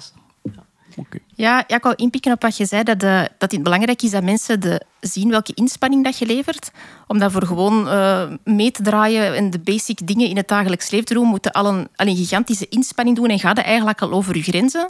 En als ik dan op een gegeven moment mijn harde grens heb bereikt en ik zeg van sorry, maar ik kan echt nu niet meekomen, dan krijg ik soms reacties als kunnen niet voor één keer eens wat meer moeite doen. En dan denk ik, Voor oh, één keer. ja, omdat voor hun is dat ze van, allee, je gaat nooit eens iets mee drinken na het werk. En, of, of ik ga soms wel, maar dan zoiets één keer niet. Dan is ze van, allee, allee, op mijn werk heb ik nog niet die reacties gehad, maar dat is maar gewoon een voorbeeld van, van iets dat voor iemand anders... Ja, zo, zo van, ja, mensen denken dat ik dingen niet doe omdat ik niet wil, terwijl dat is omdat ik het niet kan. En dat zijn twee dingen die heel verschillend zijn. Ja, Maar- wat voor een neurotypische mens ontspannend is, kan voor iemand met autisme Ja. een dijk van een uitdaging zijn. En dat is wat veel mensen niet zien. En Ja. dat vraagt uitleg. Hè? Ja. Ik, ik heb ook al mensen gehad van, ah, maar we gaan gewoon iets eten op restaurant. Dat is niet vermoeiend, want je kunt daar zitten. Dan denk ik, ja, sorry, maar... Vier gesprekken Ja. tegelijk rondom u. Ik Ja. denk, vermoeidheid zie je dan als iets fysiek, zoals eh, ik weet niet, een sprintje trekken of zo, of een marathon lopen. Maar ik, ja, hebt geen idee hoe vreselijk vermoeiend het voor mij is om, om op restaurant te zitten. Ja, ik vind eigenlijk ehm, familiefeesten, die zijn eigenlijk ge- gedesigned om voor mijn hoofd, en ik spreek niet over mijn hoofd, hè, voor mijn hoofd een immense uitdaging te zijn. Want eh, er zijn verschillende gesprekken tegelijk bezig, wat ik wel erg lastig vind. En ehm, iemand heeft verzonnen dat er recipiënten met een vloeistof op een hoge steel staan. Met hun zwaartepunt veel te hoog. En dat er tegelijkertijd kinderen rond tafel lopen. Dat is eigenlijk, iemand heeft dat verzonnen op een familiefeest. En ik zit eigenlijk constant proberen om de gesprekken te filteren. En ik zie constant welke glazen er direct gaan omvallen. En dus het gevolg is dat ik na- na dat gezellige, ontspannende moment voor iedereen eigenlijk ook pomp af ben. Ja. Ja. Ik denk dat dat een ervaring is die veel mensen zullen herkennen. Hè? Ja, dat familiefeesten eh, super vermoeiend zijn. Eh, maar ik denk dat veel mensen onderschatten hoe vermoeiend die basale sociale interacties eh, zijn. Hoeveel energie die kosten. En hoeveel dat daar niet uitgesproken wordt aan, aan allerlei impliciete verwachtingen waar dat je voortdurend aan moet tegemoetkomen. En dat is wat ongelooflijk veel energie vraagt. Hè. Ik denk dat dat ook is waarvan je vertelt, Elise, dat dat, zo- dat, dat zo vermoeiend is. En ja, Ja. dat dat je totaal uitput. Ja, ik vind het ook gewoon vermoeiend als iemand de hele tijd tegen mij aan het praten is. Omdat je de hele tijd moet opletten. Ik ben ook, niemand heeft het gemerkt, maar ik ben tijdens deze podcast ook al een paar keer weg geweest. Af- afgedwaald in aandacht. Ja, en ineens denk ik van, oh, We zijn hier. Ja, dus ik heb daar dus, als er dan zo, zeker zo één op één gesprekken vind ik klassiek. Ik vind als je zo gaat eten op restaurant met zoiets meer, dat lijkt, mensen denken dan dat dat vermoeiender is, maar terwijl dat beter, allee, voor mij gemakkelijker is, want dan kan ik stiekem ergens op een andere planeet gaan zitten, terwijl dat niemand het door heeft, denk ik, laat ze met elkaar maar wat leuteren en laat mij gewoon gerust. Maar als dan zo iemand tegenover u is die dan zo alles wilt weten en van alles aan het vertellen, dan denk ik, ah, ik, wil niet, ik wil even niet praten, ik kan, ik kan letterlijk niet meer luisteren. Mijn hoofd is verzadigd en er kan niks meer bij, dus ik sta maar gewoon te kijken en te knikken en dan hopen dat er geen vragen worden gesteld. Wat ik meestal omschrijf als ehm, mijn ideale dag hè, voor mij, dat is als mijn hoofd op de, op de losloopweide mag. Ehm, dus normaal tijdens een dag moet je constant hier zijn met uw aandacht en dan daar en dan daar. En als ik een vrije dag heb en ik mag doen wat ik wil en ik mag zo klusjes half doen en dan laten liggen en dan, oh, de gazet ligt hier, ik ga dat een beetje lezen, vind ik heerlijke dagen. Dan is mijn, hond, ja, mijn hoofd op de losloopwijde, hè. niks moet, de leiband is weg en je, mo- je, mo- je mag doen wat je wilt. Maar dat zal meer bij de, bij de ADD-kant dan bij de, bij de autisme-kant liggen. Ehm, wat ik vooral onthoud is het begrip, hè, de- de- eigenlijk ja, wederzijds begrip, dat de omgeving zo goed mogelijk weet wat dat echt een inspanning is, dat je die inspanning ook kunt, kunt eh, waarderen en dat je dat als persoon met autisme ook zo goed mogelijk kunt aangeven. Hè. En de moeilijkheid dat het voor iedereen anders is. Dus we zitten weer bij dat detectivewerk. Eh, we, we kwamen van de meltdown, ehm, dus waar dat je als een kind opeens een meltdown heeft, we hadden al gezegd hoe dat je ermee omgaat. En dan begint dat detectivewerk. Die druppel heeft het niet veroorzaakt. Je moet echt heel ver terug gaan denken en een beetje onderzoeken. welk- Experimenteren, Welk letterlijk. water is er in de emmer gegoten? We hebben ook al gehoord dat het zelfs als persoon zelf die het meemaakt een beetje zoeken is van welk water is er in mijn emmer gegoten. En dan echt die, die, die planning gaan maken van hoe hou ik mijn emmer op een aanvaardbaar niveau. Jij spreekt vaak over lepels, Stefanie. Ja, dat, is dus, dat, dat, komt denk ik van de wereld van de chronisch zieke mensen. De lepeltheorie, spoon theory. En dat is eigenlijk gewoon een eenheid van energie. Dus je begint je dag met een bepaalde hoeveelheid energie, dus met een bepaalde hoeveelheid lepels. Die je dat- kan spenderen door de dag. Ja. Door- ja, voilà. En ehm, natuurlijk is dat ook niet elke dag hetzelfde. Want als je al slecht hebt geslapen, dan begin je al met minder lepels. Dat is logisch. Ja. En ehm, ja, de kunst is inderdaad van te weten te komen wat dat de gemiddelde hoeveelheid lepels kost voor u. Bijvoorbeeld voor naar de supermarkt te gaan. Er zullen mensen zijn voor, die, die, allez, autistische mensen zijn die zeggen van goh, dat valt eigenlijk nog wel mee. Voor andere mensen is dat echt gigantisch veel lepels. Dus dat is ook weer niet... ehm, voor iedereen gelijk. Maar het is eigenlijk gewoon om, om jezelf eraan te doen herinneren van... Gaat er niet over, ga niet in het rood. Probeer dat een beetje te managen. Want eens dat je... Het is eigenlijk ook... Ik, ik, ik gebruik ook vaak de, de vergelijking met diabetes. Diabetes, die, die mogen suiker eten. Hè, maar dat moet, gewoon, dat moet gewoon goed gemonitord worden. En het, is- het probleem is, is, als je een hypo doet of een hyper doet... Ja, dan is het heel moeilijk om terug... Een, allee, dan moet er al heel veel gebeuren om die suiker terug op niveau te krijgen. Dus het is echt gewoon een kunst van ja, dat evenwicht te zoeken. Hè. Dat gaan we nog een paar keer terugvinden, denk ik, vandaag. Ja, dat gaat, dat gaat om, om energie, waar dat we het al over gehad hebben, maar hetzelfde geldt voor stress. Je kan een bepaalde hoeveelheid stress eh, aan, eh, maar je wil geen uitschieters. Hè, dus dat is inderdaad ook zo wat monitoren. Eh, ja, wat, wat kost mij energie? Wat geeft mij energie? Eh, wat is de stress die je kan dragen? Wat is de stress die voor mij te veel is? En het inderdaad voortdurend zoeken naar die optimale balans. Soms kunnen daar ook lepels bij komen, bijvoorbeeld. Ik heb zo... ehm alleen een goed voorbeeld van zo'n lijst, is de Goed Gevoellijst van sterkmakers.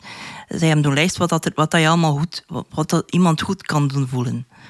Dus, ehm, en, dan kun je zelf kijken van... Ja, allee, op, on- op onderzoek gaan van wat, wat helpt voor mij op die lijst. Dus Dus je krijgt een lijst van allerlei dingen die sommige mensen een goed gevoel geven. zintuigelijk En je duidt aan voor jezelf wat Ja. er voor jezelf werkt. Ja, Oké, dat is ja. een beetje het tegenovergestelde van de stresslijst. Vroeger keek men naar eh, wat geeft mij het meeste stress en dat ga ik vermijden. En nu kun je daar een soort antwoord op bieden door wat geeft mij goed gevoel en dat ga ik proberen te doen in mijn schema of zo. Als tegengewicht. Als tegengewicht, ja. ja, ja, ja, ja. ja. Wat maakt mij gelukkig? Zo heet. Ja. We hadden het al even over ehm, het begrip hè, dat de, als de omgeving weet wat een inspanning is, dat het dan ja, duidelijker is voor hen. Maar dan kom je natuurlijk bij de vraag, waar en wanneer vertel ik het? Is het iets wat je constant benoemt in een nieuwe omgeving? Van, eh, jongens, even ter informatie, ik heb autisme, dus sommige dingen zijn, zijn moeilijker voor mij. Of zijn er ook omgevingen waarin dat je het heel laat vertelt of niet vertelt? Ja, voor mij is dat simpel geweest. Hè. Ik heb mijn coming-out gedaan, gewoon los in de podcast. Dus dan, dan, dan moest ik het eh, verder niet meer vertellen. Ik heb ook al een paar, allez, een paar artikels geschreven in, in de standaard. Dus dan denk ik van, hé, handig. Nu weet iedereen het. Eh, ben er vanaf. Maar ook, wat ik wel belangrijk... eh allez, wa- waar dat ik dan heel veel chance mee heb, is... Ik was al gekend als Stefanie van de podcast. Ik was al gekend als Stefanie de illustrator.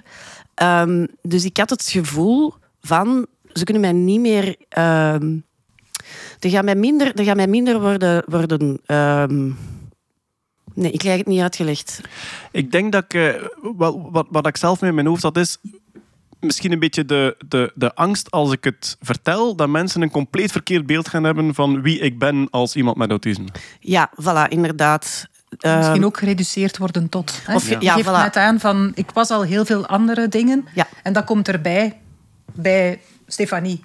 Ja, en, en ehm, dat, en, en natuurlijk, ja, zowel hier eh, als bij Welcome to the EE heb ik ook gezeten. Ja, dat zijn warme baden vol begrip.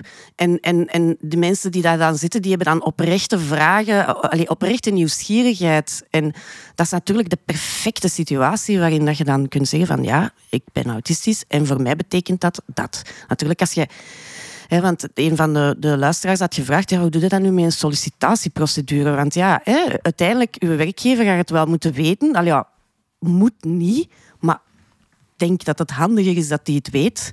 Want inderdaad, anders weten ze niet hoeveel moeite dat iets kost voor u. Maar je kent die nog niet en dat is dan ook nog een professionele setting. Dus ja, gaan die mij dan bijvoorbeeld niet aannemen omdat ik autistisch ben? Dat is natuurlijk een andere pauw- paar mouwen. Ja, wel, maar ik denk dat je het daarnet ook gezegd hebt, Elise. Door uw late diagnose wist je al wie dat je was. En misschien is het voor een omgeving wel hetzelfde. Als, je- als je eerst al de persoon, de persoon zijt wie dat je bent voor je omgeving. En pas later krijgen ze dan te horen van, ah tja, ehm, die heeft autisme, dus daarom waren die details moeilijker. Dat iets totaal anders is dan je komt binnen in een nieuwe omgeving en zegt, goeiedag iedereen, dit zijn mijn hobby's, hier ben ik geboren en ik heb autisme. En dat mensen met, met het Rainman-syndroom, dus mensen die denken dat dat dan is wat het is, dat die op, u opeens gaan beschouwen als een soort alien waar ze amper mee kunnen omgaan. Hmm, ja, ik heb ook een beetje ja, misschien het geluk gehad dat ik nog geen enkele diagnose had toen ik ben gaan solliciteren. Ja. Mensen vragen mij soms, "Eh, moet ik doen op een sollicitatie? Ik zeg, ja, ik wist het niet. Dus ik kon het ook niet zeggen, dat was heel gemakkelijk. Ehm, ik had op dat moment wel al het vermoeden van ADHD en ik was zo aan het beginnen met zo het traject te doen. Maar ik, ja, ik dacht, daar ga ik nog niks over zeggen, want dat, ik ga niet zeggen dat ik mij maar eh, de helft van de tijd kan concentreren. Hè. Dus ja, en ik, ik heb dan, ja, mijn diagnose van autisme is dan wel later gekomen. En ik was op dat moment denk ik al twee jaar of zo aan het werken. En ik heb ook mijn coming out in de media gedaan. Ik dacht, we doen dat ineens, eh, ineens goed. En dan zijn ze dat op mijn werk ook te weten gekomen. En ik, ik had er op dat moment ook geen stress niet meer voor. Omdat ik dacht van ja, ze weten op mijn, op mijn werk wie ik ben, wat ik kan, wat mijn kwaliteiten zijn, wat ik beter aan andere mensen uitbesteed. En of er al die kenmerken nu onder de noemer autisme vallen of niet, ja, dat maakt eigenlijk niet meer uit. Want ze weten al, ze kennen mij al. En daarom is dat op mijn werk ook heel goed ontvangen geweest. Dat was dan gewoon van, ah, serieus, dat wist ik zeg, ja, ik ook niet. ja, dus, dus dat was het eigenlijk. Nu, on- ons team is wel heel hard veranderd het laatste jaar. Zeker ons marketingteam waar ik in zit. Dus er zijn allemaal nieuwe mensen bij en die weten dat dan denk ik niet. Ah ja. Dus ja, ik, ik laat dat zo af en toe wel eens vallen. En dan krijg ik zo van die heel rare blikken. Soms mensen die zich zo wat gegeneerd voelen. Dat die dan zo niet weten waar ze moeten op reageren. Vind ik heel grappig altijd. Ja. Zoek het dan expres. Maar ik denk wel inderdaad dat... Want goed, we verwachten ook iets van de omgeving om daarmee te leren omgaan. En het is, het is niet evident. Je kan ook niet van iedereen verwachten dat ze de nuances van autisme mee hebben. Dus ik kan me inderdaad wel voorstellen dat je het, dat je het vertelt en dat iemand daar... Iemand in je omgeving of in je werk, waar dat dan ook een beetje informele relatie is, dat iemand een beetje nerveus kan worden van oei, wat mag ik nu wel en niet doen? En eh, heb ik nu iets verkeerd gezegd? En dat ze overvoorzichtig worden of gewoon niet weten wat doen. Nee, ik denk niet dat ze overvoorzichtig worden. Ik denk dat de meesten daar ook niet echt... Dat dat van- niet vooraan in hun hoofd zit als ze aan mij denken of zo. Ja, ja. Maar jullie zijn natuurlijk wel aan werk geraakt, niets wetend Ja. ehm, dat er een diagnose was. Ik denk dat er ook wel mensen met autisme zijn die gewoon niet aan werk geraken. eh, die daar dan eh, ondersteuning voor zoeken. Hè, bijvoorbeeld een jobcoach eh, inschakelen om samen op zoek te gaan naar werk. Ja, dan is er een verhaal nodig waarom er überhaupt een jobcoach eh, meekomt naar een werkplek bijvoorbeeld, of waarom er een jobcoach eh, samen met jou eh, op zoek gaat naar werk. Hè. Dus dan kan je niet anders dan al van bij de start open zijn over wat er precies aan de hand is. En dan heb je natuurlijk een andere situatie. En ik denk dat er toch effectief ook nog wel heel veel werkplekken zijn waar men dan inderdaad, zoals je aangeeft, in een kramp schiet en vanuit allerlei vooroordelen en foute ideeën over autisme ja, dingen gaat doen die eigenlijk helemaal niet nodig zijn. Of, eh, veel te voorzichtig worden en daardoor alle spontaniteit eh, verliezen. Maar ik zie jou heel hard knikken, Het eh, is, van, het is een van de meest gestelde vragen in mijn blog. Mensen die dat vragen, die echt niet weten hoe dat ze daarmee moeten omgaan. En die al talloze eh, sollicitaties gedaan hebben en het gezegd hebben of het niet gezegd hebben. En waar dat ze heel verschillende reacties op hebben. Terwijl mensen die hen gewoon uitlachen, zeggen van... Ja, jij komt hier gewoon niet om werk vragen. Mensen met autisme hoeven niet te werken. Hè. Of dergelijke, heel uiteenlopende reacties. Ehm, mijn vriendin ehm, heeft het niet gezegd in het begin dat ze solliciteerde, ehm, maar ze heeft het wel gezegd na één jaar, toen dat ze haar eerste positieve evaluatie had gehad. En dan werd het goed ontvangen, omdat ze zeiden van ja, bon, je werkt heel goed. Ja, dat, we, we hebben dus genoteerd dat je autistisch bent en voor de rest oké, doe maar gewoon verder.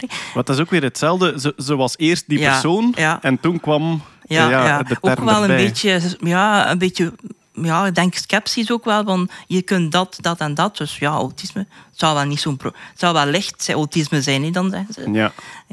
Ehm, ik vind het moeilijkste om aan mijn familie en zo te vertellen, aan het netwerk die heel dicht staat, omdat hij dat totaal niet begrijpt. Ja, dat is voor hen. eh, Telkens als er iemand met autisme op tv komt, eh, zeggen ze van. Ah, eh, Sam, dat is nu een keer een echte autist, daar kom ik kijken. Hè. Ah, dus Of, ze gaan aan u uitleggen wat het echt is. Of luister een keer naar die podcast van, hey, van Nerdland. Dat zijn echt autisten die daar zitten. zo, van, allee, zo van die mensen. Zo. Of kijk een keer naar Taboe. Hè. Dat, zijn, nu- dat zijn nu een keer echt autisten die daar zijn. ja. Dat zijn wel lichte autisten, want die kunnen op tv komen. Hè, ja. maar allee, dat is zo van, ja, sommige mentaliteit is zo van, ja, ik vind dat moeilijk. eh. maar dat ook als ik ehm, lezingen geef, ook inleefmomenten geef, ja, dan zijn er ook mensen die zeggen, ja, dat is, dat is hier gewoon onzin, jullie. Allee, wat dat jullie, autisten, dat zijn mensen die met voorzieningen zitten. En die, Ja, ja. dat, wat dat jullie doen is eigenlijk ja, ons met onze voeten rammelen. Hè, zo. Allee, dat is uiteraard maar een minderheid, maar toch zijn er veel van die mensen die dat totaal negeren. En, ja. Ja, zo mensen die zeggen van ja, maar de, de zoon van de vriend van de bakker heeft een kind dat autistisch is en dat is helemaal anders. En zo zei jij niet, dus jij kunt dat niet hebben. Ik, allee, is goed. Ben blij dat je zo diep onderzoek hebt gedaan. Ik heb, eh, ik heb ooit de enfin, ja, eh, eh, tragicomische one-liner gehoord ehm, in het landelijke Wachtebeke, waar ook totaal geen idee was van de nuance van was. Heb ik ooit iemand horen zeggen. Ho, autisten, ik vind dat toch moeilijk, hè? Als er bezoek komt, pissen ze in de zetel.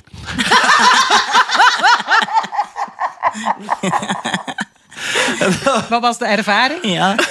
zeer anekdotisch. Eén geval van iemand met een combinatie van mentale beperking en autisme, die inderdaad waarschijnlijk zich heel moeilijk kon uiten, die niet communicatief was en die ooit op één geval dat gebeurd was en dan gezegd had van ja, sorry, een moeilijke situatie en dit is een manier van waarschijnlijk protest of controleverlies of gelijk wat. En dus dat...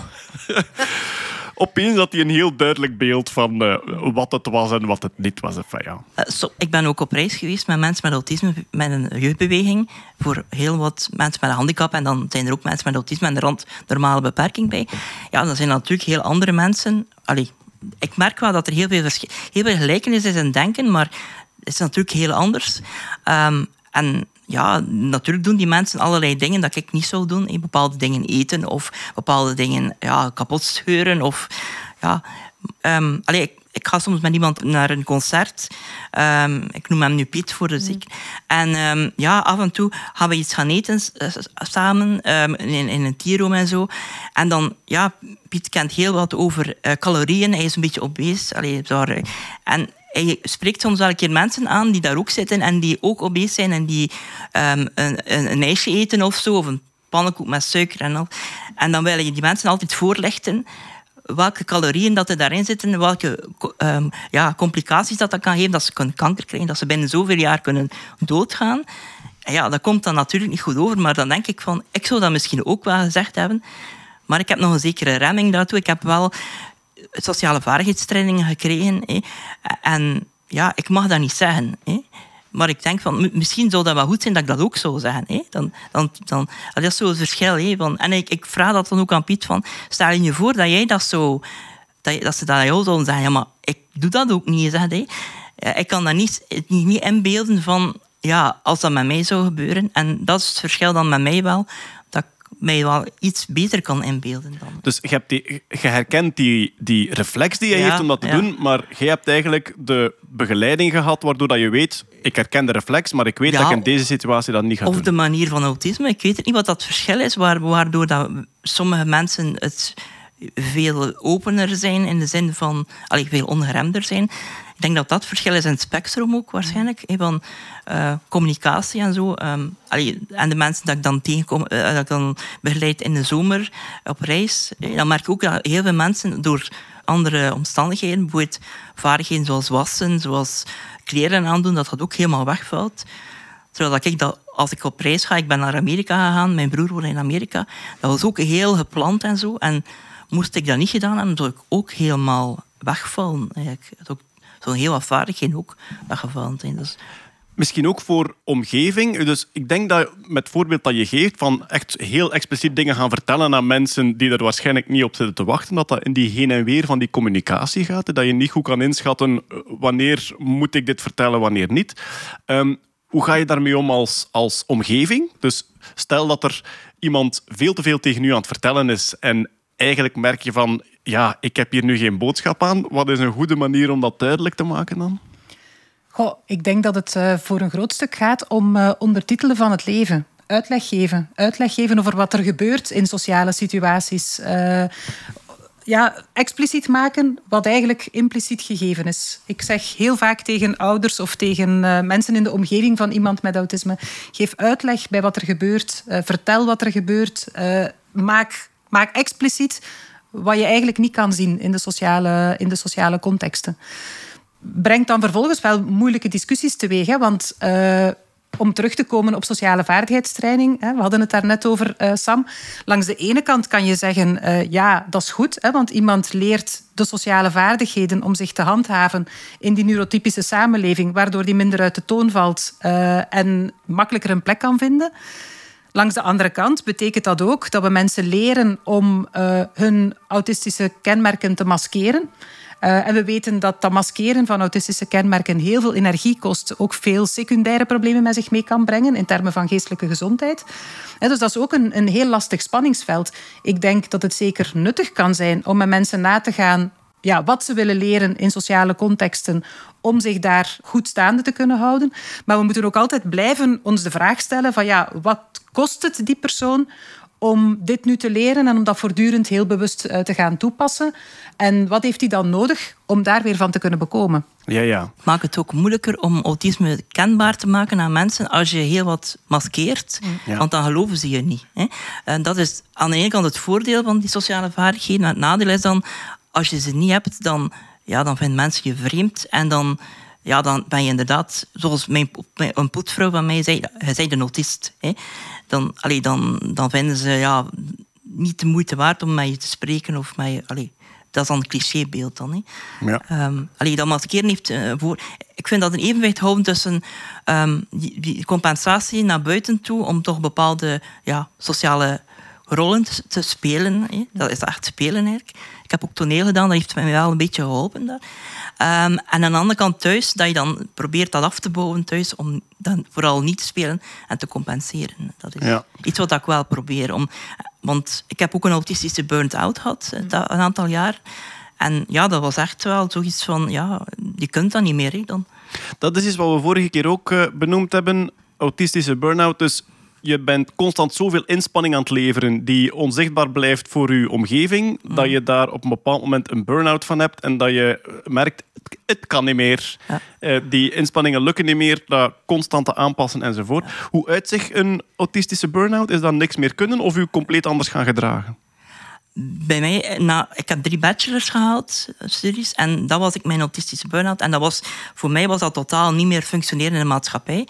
En vooral in, eh, ja, alle, mogelijke, alle mogelijke energie houden voor basale eh, vaardigheden, zoals opstaan. ehm, is een beetje zoals depressie, maar dan ik, toch ja, minder, ik weet niet, zwaarder. Allee, ehm, en vooral proberen jezelf te handhaven dan. Ehm, Maar het kan er heel verschillend Ja, uitzien. Hè? zo, Waar ja. dat bij sommige mensen zich vooral uit in echt geen energie meer hebben, eh, kan dat bij andere mensen eh, zich uiten in bijvoorbeeld cognitief niet meer de dingen eh, voor elkaar krijgen die ze tevoren wel voor elkaar kregen. En ineens echt op een, op een veel lager niveau gaan eh, functioneren dan tevoren. En zo cognitieve dingen zoals doorheen de dag u bewegen, ehm, de bus nemen ergens naartoe, alles juist plannen, dat soort dingen die eigenlijk wegvallen dan. Ja, er zijn mensen die inderdaad bachelordiploma's, universitaire diploma's hebben gehaald, eh, maar jarenlang zo op de tippen van hun tenen hebben gelopen om mee te kunnen in die neurotypische samenleving, dat veel te lang hebben gedaan en veel te lang hebben volgehouden, dan echt in elkaar zakken, autistische burn-outs, en daar soms jarenlang in vastzitten. eh, en dan de meest simpele cognitieve taken niet meer uitgevoerd krijgen. Ja. En wel, dat is dan ook weer het detectieve werken. Wat is dan die constante extra inspanning die je levert? Ik neem aan dat voor iedereen wel verschillend is, maar zijn er hele typische dingen? voor mij was dat zo, zo- om te beginnen in de aula zitten. Dat was voor mij heel moeilijk. Dat was tonnen energie. Eh, omgaan met studenten, groepswerk en studenten. Ja. Dus, eh, ik heb wel een van de meest uitdagende dingen gedaan, denk ik, sociaal werk. Eh, dat was ja, een uitdaging. Vol- Volgens de VDAB was ik daarvoor in de wieg gelegd. Dus waarom, wist ik niet. Maar, Ehm, maar eh, ja, groepswerk, ehm, ja, naar de kermis gaan bijvoorbeeld met, met een groepje en daar rond reflecteren. Alleen al het reflecteren zelf vond ik al heel inspannend. Zo, was een opdracht voor uw opdracht, opleiding, dus ja. je gaat naar de kermis. ja, en je eh, reflecteert over de groepsdynamiek van Och. je groepje. Terwijl dat je op de GeForce zit. Hè. Onder andere. Maar echt Dus- hoogtestage voor u dan. ja, ja, ja. Dat was echt van... eh, Dus je ter- terwijl dat de rest dacht van, hey, dit was een toffe lesdag, Ja, ja, ja. we zijn op de kermis geweest en we hebben er achteraf een beetje over nagedacht, komt jij echt uitgeput daarvan terug. Ja, ja. En dan moet de rest van de dag nog komen eigenlijk. Ja. Ja. ja. Ik heb eh, twee echte crashes gehad. Echt, eh, en dan letterlijk ook op mijn werk. Eén keer toen ik eh, werkte voor advocaten. Dat was dus in een advocatenkantoor. En ik was, geloof het of niet, een zeer goede secretaresse. Maar ja, dat was zoveel georganiseerd en, en, en. En natuurlijk, ja, je mocht niet laat zijn met de conclusies in te dienen en weet ik veel. En ik was daar eigenlijk heel goed in. Tot op een bepaald moment eh, ook niet echt kunnen aanvoelen wat dat het was. Maar ik had al wel een gesprek gehad. Ik was wel al op match geroepen bij een van mijn advocaten. Die zei van, ik merk dat het precies niet meer zo goed gaat. En ik zei, ja, ik denk dat ik een beetje moe ben. En op een bepaald moment ben ik gewoon echt gecrashed in het kantoor van, van de vennoot. En ik, ben daar, ik heb daar een, een uur liggen wenen. En dan hebben ze een dokter moeten bellen. En dan heeft hij mij... eh, Ah, ik weet niet meer wat dat. Ik weet eigenlijk zelfs niet meer zo goed wat dat er is gebeurd. Maar dan ben ik, eh, ja, dan ben ik naar huis gestuurd natuurlijk. En, ehm, en dan ben ik ontslagen. en dan ben ik ontslagen. En ik heb het ook één keer gehad eh, op de redactie van de Flair. Ik was daar chef layout. Ik was ook heel goed in mijn job. Maar dat was eigenlijk, ja, dat is, dan, dat is een redactie met 35 mensen, 95 vrouwen dan ook nog. Eh, ontzettend veel gepland en georganiseerd. En, en wederom, ja, dat ging keigoed. En op een bepaald moment ging het niet meer. En dan ben ik ook echt een keer uitgevlogen tegen iemand. En dan hebben ze ook gezegd, ik denk dat je beter nu naar huis gaat, want je zit al je bruggen aan het verbranden. Nou, Ja. Ehm, een werkplek kan rolstoel toegankelijk gemaakt worden. Kan een werkplek ook autisme toegankelijk gemaakt worden? En wat is daar dan voor nodig? Ehm, ja, dat kan zeker. En ja, dat hangt ook eh, af van persoon tot persoon. Bij mij is bijvoorbeeld iets heel stom, maar ik heb een bepaalde plek gekozen. Mijn vaste plek. En dat is zo... Er is geen eh, gang of zo, er is geen doorgang achter mij.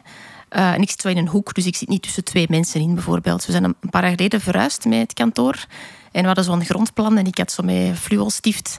Dat, ik had dat grondplan afgeprint en met fluostift aangeduid, hier ga ik zitten. En heb dat op mijn computerbak geplakt, zodat de IT'ers zeker op mijn plek mij daar gingen zitten.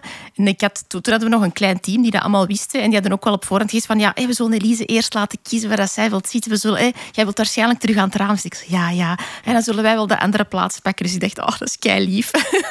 dus dat vond ik wel leuk, dat ik zo niet echt vlak aan de printer of een koffiemachine zit. Of, eh, de, de, de ingangdeur of zo waar iedereen passeert. Dat, dat zou ik echt heel vervelend vinden. Want toen ik daar begon, had ik wel... allee, was dan nog op het oude kantoor, had ik een andere plek. En zat ik wel met mijn rug naar de open ruimte en dan met een printer naast mij. Zijn dat zo mensen die achter u passeren. En ik kan dat niet uitschakelen. Ja. Dus ik ben dan zo aan het werken en dan allee, voel ik iemand achter mij. Dan kijk ik naar mijn scherm en denk ik van... Oké, zie mijn schermen er serieus genoeg uit dat ik aan het werken ben? Of, of, of is dat misschien een scherm dat ze gaan denken dat ik, dat ik iets niet aan het doen ben, omdat ik ergens research aan het zoeken ben in, in de krant of zo. En dan gaan ze misschien denken dat ik maar gewoon aan het lezen ben. En dan snel naar een ander venster. Maar dan zijn ze niet meer aan het werken. Hè. dan zijn ze de hele tijd bezig met dat te registreren. En ik heb zo in mijn hoofd ook zo een bubbel rond mij. En die mensen die, die lopen er gewoon door. Ja, ja. Maar wat, wat je ook weer noemt, uw omgeving die dat weet en die zegt van we gaan u eerst laten kiezen. En het feit dat jij dan ook aangeeft, ik merk dat je een inspanning voor mij doet en ik apprecieer het enorm. Hè. Dus zo weer dat, dat, dat begrip, anderen die weten wat een inspanning is voor u. En jij die ook kunt zien wanneer de anderen een ins- een inspanning doen voor uw situatie. En ja, dat, dat doet toch veel. Hè? Dat je- Ja, enorm. Maar ik denk dat het ook belangrijk is als je iets communiceert naar je baas van iets dat je nodig hebt, dat je dat ook altijd doet vanuit het, zijn oogpunt. Ja. Dat je zegt van oké, als, als ik op die plek moet zitten, ik mag geen koptelefoon dragen, dan daalt mijn productiviteit met 40 Ja. Als ik daar mag zitten met mijn koptelefoon, dan ga ik veel meer werk verzetten aan u de keuze. Ja. Dus dan is, allee, dat, dat communiceert veel gemakkelijker. Dan je zegt, ik wil daar zitten, want ik wil dat. Ja, maar iedereen wil daar zitten. Allee, snap je? Dan krijg je dat soort discussies. Ja. Terwijl het veel gemakkelijker is om het, om het op die manier eigenlijk uit te leggen. En dan gaat je veel meer begrip krijgen, ja. denk ik. Jij werkt op een landschapsbureau dan? Ja. Vreselijk. De hel, hè. Dat is, dat is voor veel mensen de hel, denk ik. Ja. Eh, enfin, ja. bij ons ja. zijn twee eilanden, twee van zes, van zes, dus twaalf mensen. Dus dat valt nog mee. Dat is niet dat er zo een gigantische verdieping van 50 mensen is. Dat, dat is het nu ook weer niet, maar... Stel dat ik ooit nog zou gaan solliciteren, dan zou mijn eerste vraag zijn, eh, als iemand die komt solliciteren, goeiedag, werken jullie met landschapsbureaus? En als ze zeggen ja, zeg ik dank u voor uw tijd, tot de volgende keer. Dat zou voor mij echt een no-go Ja, zijn. toen ik werk aan het zoeken was en ik had ook nog geen diagnoses en ik, elke keer als ik dan zo'n bedrijf vond waar een vacature voor was, dan ging ik echt op de site kijken om te zien zijn er foto's van het interieur. Want er zijn bepaalde bedrijven geweest met heel interessante vacatures en ik zag dan dat het kantoor was en bijvoorbeeld zo een grote tafel in het midden van de ruimte. En mensen zaten rond die tafel, maar je had ook zo geen duidelijke afleiding van waar stopt uw bureau en dat van mij, want dat was een grote tafel. En ik zag het, ik dacht, ja, dan ga ik niet werken. Hè?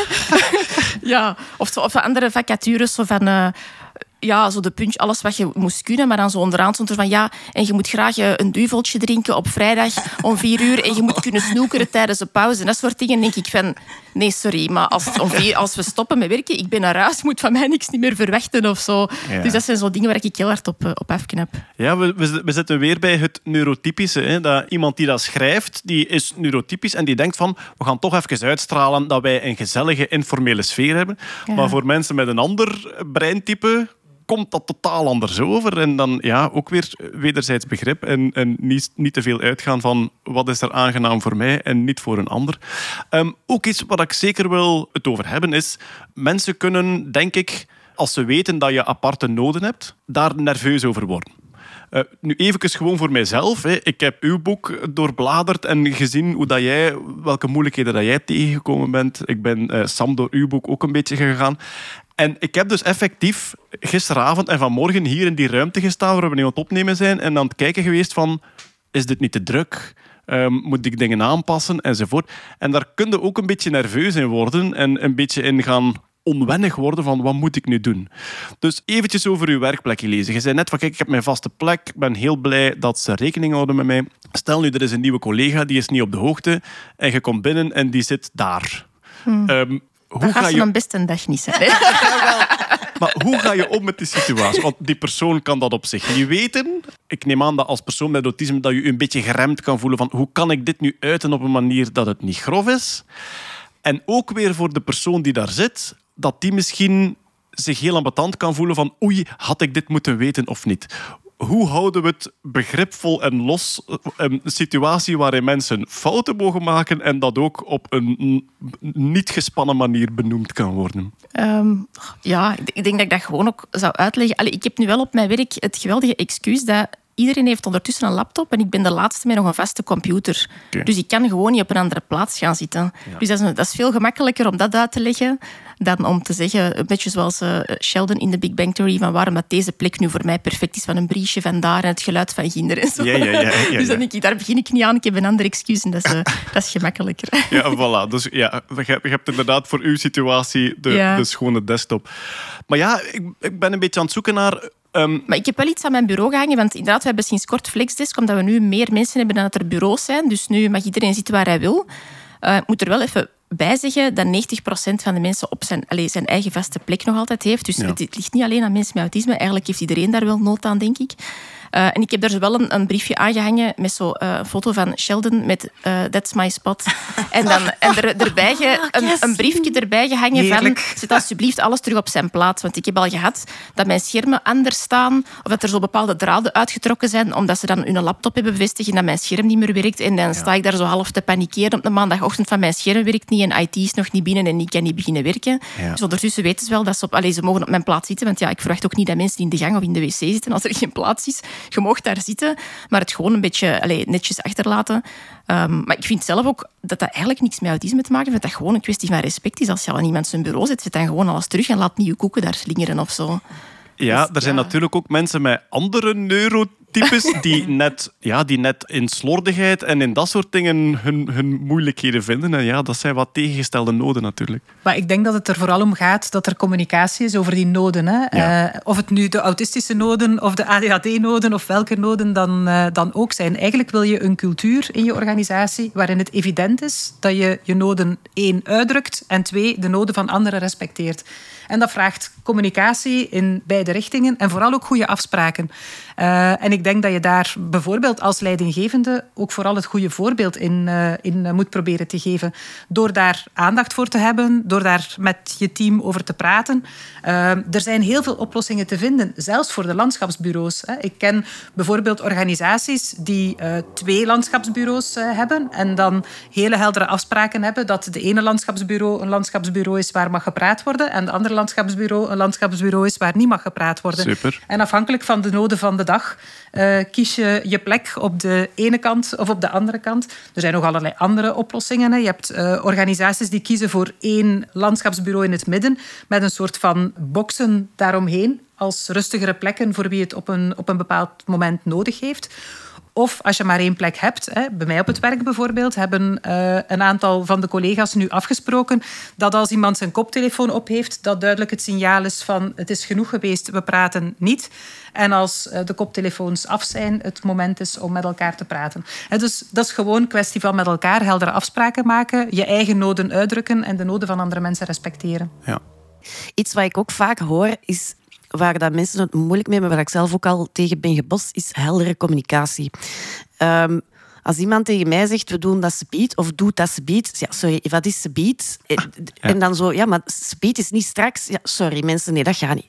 Zegt mij, ik heb dat nodig tegen dan, hè, om drie uur, of weet ik veel. Hè, dus dat dat is eentje.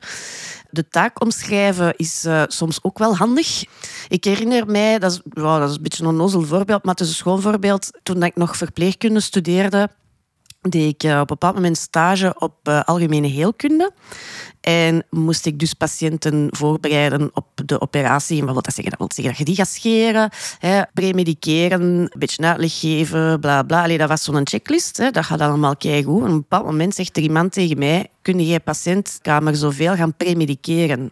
Wat heb ik gedaan? Ik heb die premedicatie gegeven. Heb ik die geschoren? Nee, want dat is mij niet gevraagd. Ja. Dus die patiënt die komt op elkaar en dat was met dokter Martens. De dokter Martens heeft zo hard staan roepen dat je hem tot beneden hoorde. Van, Is dat "Wat die die is die schoenen uitgevonden heeft, dokter Martens?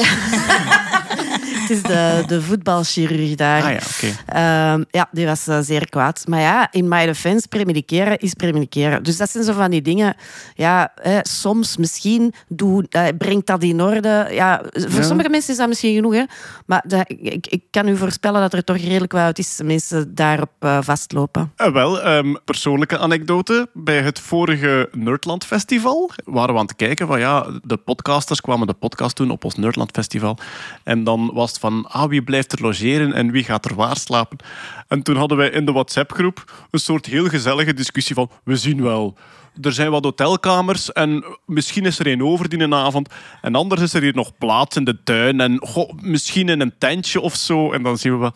En Stefanie werd langzaam chagrijnig. En niemand van ons snapte waarom. En achteraf dacht ik, ah ja, dat is inderdaad. En dan weet je wat autisme is. En dan gelijk wat. En dan nog is dat een beetje een blinde vlek. Omdat, ja, het is voor ons zo evident.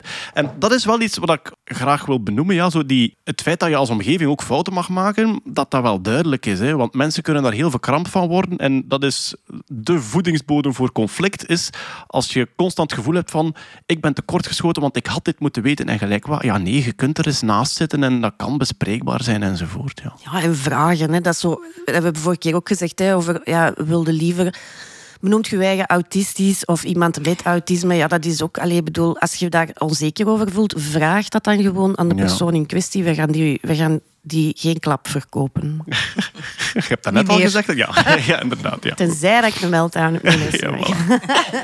Ehm, zijn er droomjobs voor mensen met autisme? Of ja, het is divers natuurlijk, hè, maar eh, zijn er jobs waarin dat je zegt van dat is nu echt, daar zijn wij heel goed in? Of daar zijn eh, algemeen mensen met autisme heel goed in? Ik denk het niet. Allee. Ik denk dat het vooral de omstandigheden zijn die de droomjob maken, denk ik. De omgevings... Om, om- ja, de allerlei factoren die het maken, maar de, de droomjob... Je hebt droomomstandigheden Ja, droom, allee, ik vind dat... en je hebt moeilijke omstandigheden. Ja, Ik denk dat ik alles kan doen binnen bepaalde allee, activiteiten dan. Ik kan bijvoorbeeld niet vliegen en zo. Hè. Ja. Piloot kan ik, zal ik niet worden, maar... ehm, Een kermiskraam openhouden? ja, ik denk van wel. Als ik de nodige apparatuur... Als ik mijn koptelefoon mag opzetten Ah, ja, en zo voilà, verder. ja, ja. Ja, ik bedoel... Ja, natuurlijk er zijn veel vacatures dat ik gek- gekregen heb, wat ik van denk van, dat ga ik nu niet kunnen. Hoe het eh, zang en dans op een cruiseschip. cruiseschip. Ja. Hey, Toevallig omdat ik toneel, toneelopleiding gedaan heb. Maar dat zie ik mij nu niet doen. Of in de gistfabriek eh zakken gist sleuren en zo. Ehm, maar allee, er zijn heel veel, veel... Ik denk niet dat er echt typische autistische beroepen zijn. Ja, ja, ja. Want ja, Want er, er is wel een uitzendbureau, denk ik, specifiek voor, Ja. voor mensen met autisme. En goh, ja, eh, er zitten veel IT'ers tussen, maar dat is dan meestal opleiding, interesse. Ik heb ook ooit gehoord dat eh, voor sommigen dat de eh, hotelkamer opruimen, dat ze dat zeer aangenaam vonden. Hè. Dus vaak mensen zonder diploma die eh, werk zoeken ook. En dat een hotelkamer opruimen, dat het feit dat het altijd dezelfde kamer was waar dezelfde handelingen moeten gebeuren, dat dat dan aangenaam was. Dat zou nu toch echt niks zijn.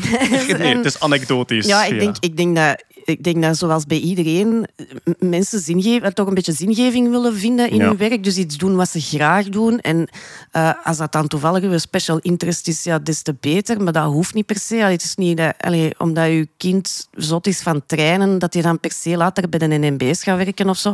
Nu, ja, ik vind dat ik van mezelf dat ik mijn droomjob heb. Hè, omdat ja, ik teken heel graag. Ik teken nooit tegen mijn goesting. Als ik opsta, is het eerst dat ik denk... Jee, ik mag een hele dag tekenen. Als er dan eens een meeting tussen zit, is dat wat minder natuurlijk. Maar, maar ja, gewoon vinden wat, je leuk vindt. En dat is zowel voor autistische mensen als voor niet-autistische mensen zo, denk ik.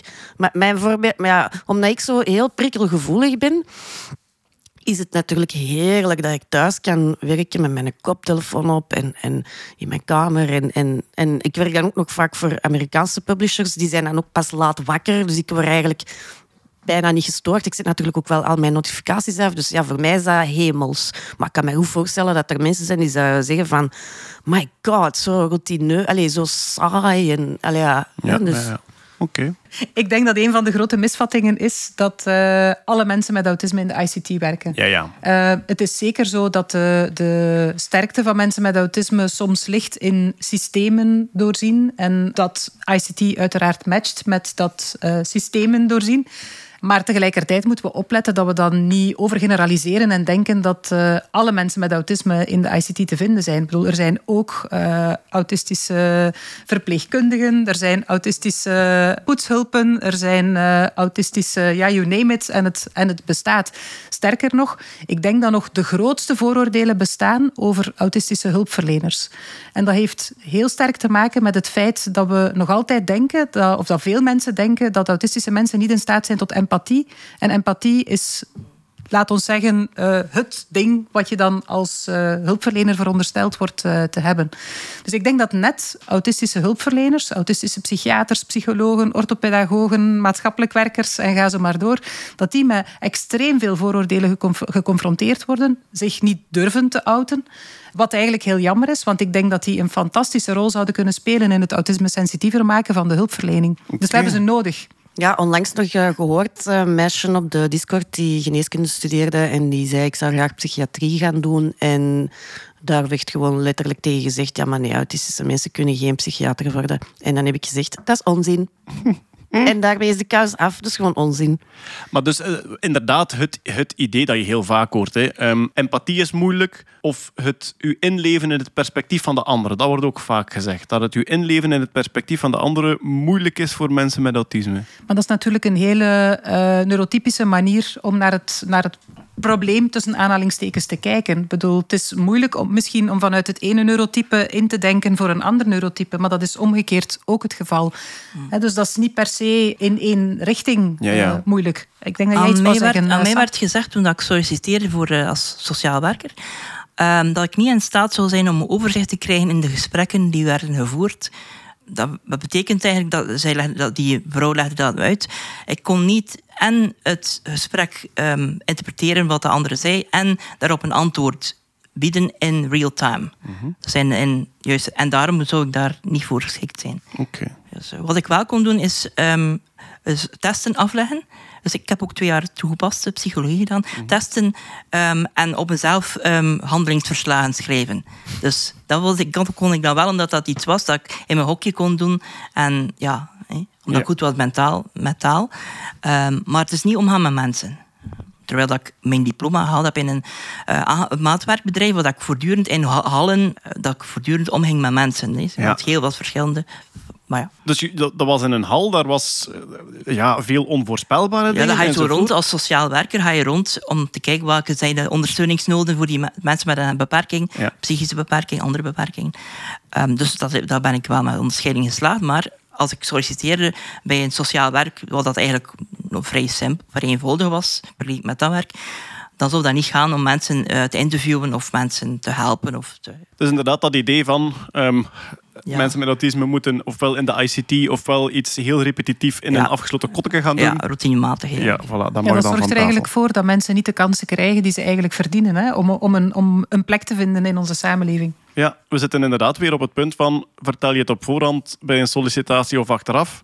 En het moment dat je eerst de persoon geweest bent die de taak al deed en dat toonde, dan is eh, het label er achteraf bij veel gemakkelijker, omdat je weet wie dat is. Terwijl dat bij een sollicitatie dat mensen dat, rigide idee hebben van wie dat je zou zijn, omdat je gezegd hebt dat je autisme hebt. Dat is waar, maar de tijden zijn wel aan het veranderen. Ik heb wel echt het idee dat mensen ook wel beginnen te zien wat de meerwaarde kan zijn van open, geoute eh, hulpverleners. En dat, dat mensen ook wel echt aan het zoeken zijn naar manieren om, om ook autistische hulpverleners een plek te geven, bijvoorbeeld in de hulpverlening. En net ook in te zetten op die combinatie van het ervaringsdeskundige perspectief en het hulpverleningsperspectief. Want daar zit natuurlijk net ook een kracht eh, in.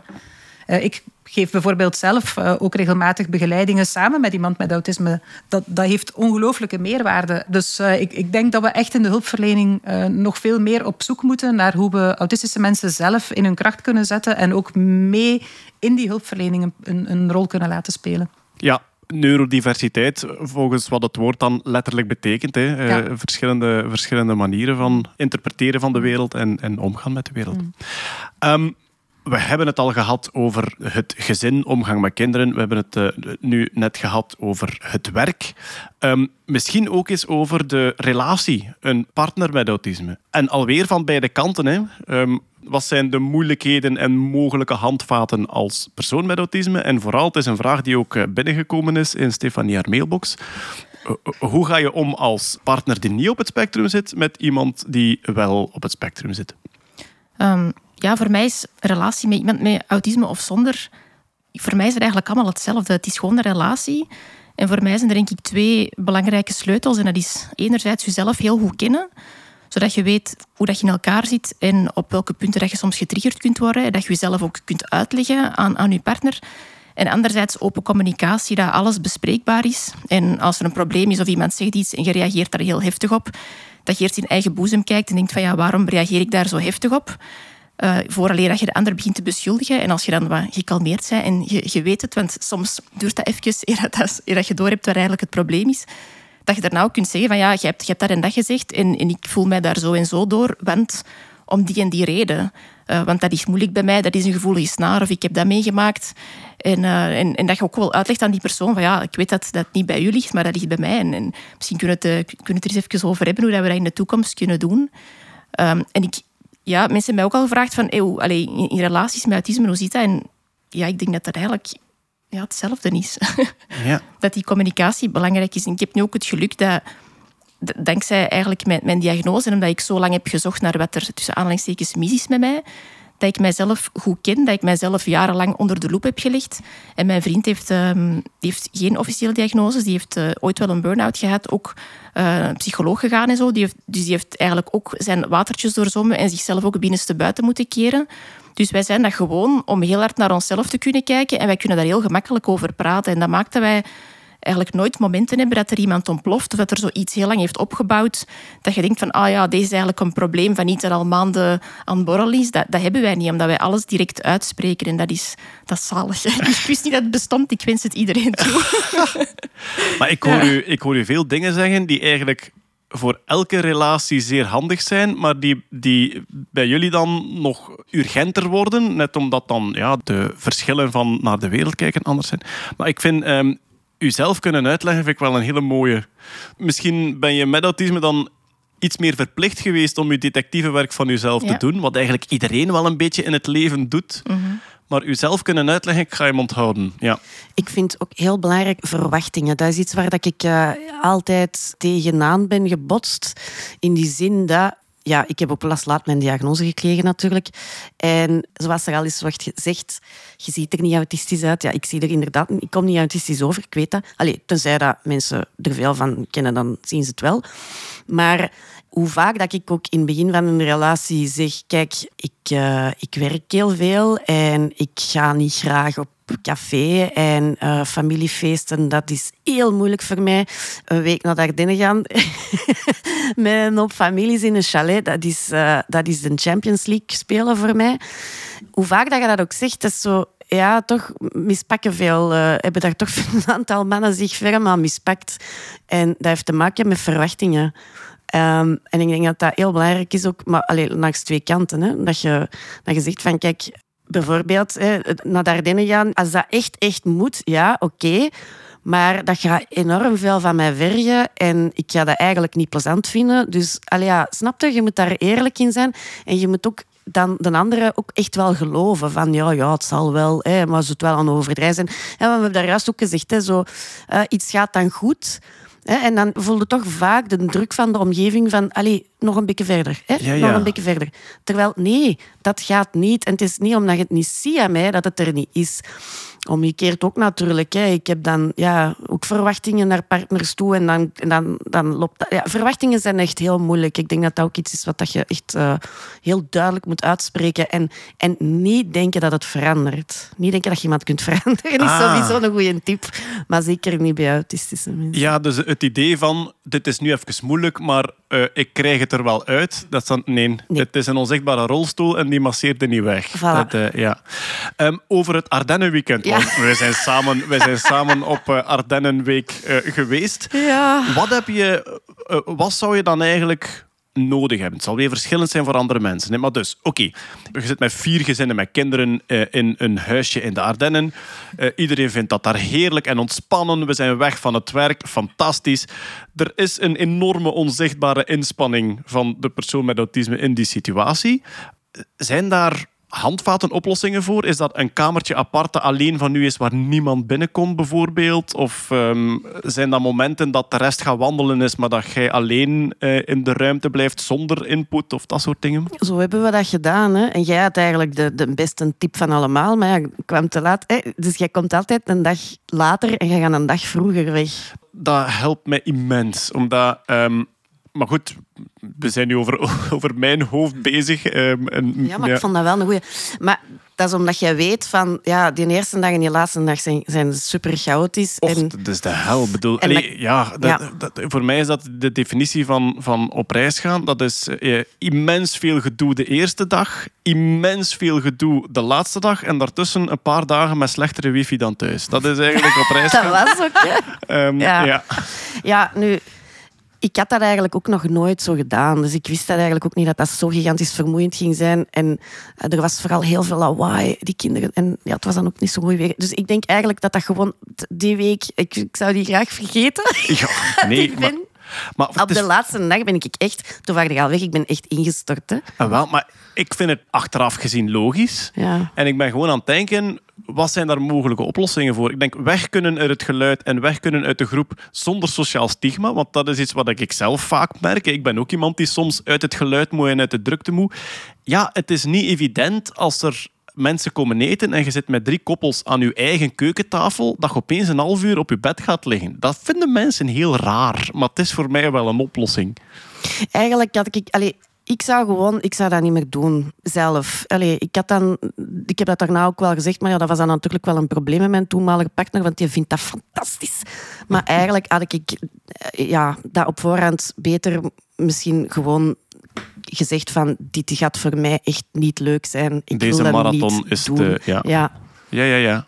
Dat mag, hè. je op het auto. Hè. En natuurlijk, allee, gaat daar wel iets tegenover stellen. Hè. Allee, je moet niet altijd, allee, het, is, het is geven en nemen. Hè. Maar Ja. ik vind, als je echt op voorhand... Allee, dat wist ik dus niet, maar nu weet ik het wel. Hetzelfde met kamperen. Hè. Hm. Ik weet, ik slaap niet in een tent. Ik heb dat hier een paar keer geprobeerd in uw hof. Maar dan was dat wel makkelijker om daarna te zeggen... Ja, lieve, mag ik binnen slapen? En dan zeg je natuurlijk geen probleem. Hm. Voilà, en dan gaat dat wel. Ja, ja, voilà. Uit nieuwsgierigheid. Stel dat je met vier autisten naar de Ardennen gaat in een chalet. Wat doe je dan? Maar dat heeft Elise gedaan, hè? Is het waar? Ah ja, tuurlijk. Ja. Maar ja, Philip Geubels was erbij. Dus eh, dat was dan de moeilijkheid waarschijnlijk. Ja.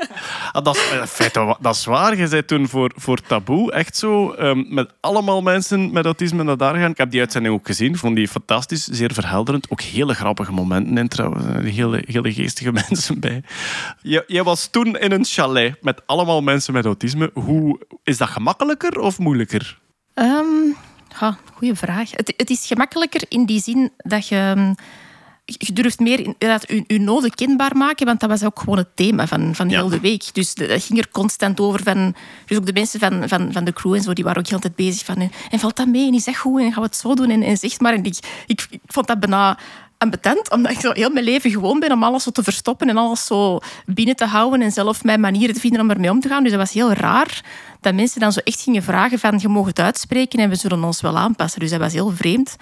Eh, de moeilijkheid was vooral omdat ja, we waren met vier. En er zijn dingen die we van elkaar begrijpen, maar ook dingen die heel anders zijn bij, bij elkaar. Dan denk je ook van ja, je wilt rekening houden met de, met de autisten hier, maar als je rekening houdt met een die, houd je eigenlijk geen rekening met een andere. Dus oh, op die manier. Maar eh, op, zich is het wel heel goed meegevallen, omdat het was een, een redelijk... allee, de locatie het was redelijk groot. Dat was ooit een hotelletje geweest. En nu wordt dat, is dat zo voor eh, ja, grote groepen die gaan. Dus iedereen had zijn eigen kamer. Dat was eigenlijk, dat is eigenlijk het enige dat ik nodig had om, om, om ja te zeggen. Dus heb ik mijn eigen kamer? Ja, oké, is goed, ik kom mee.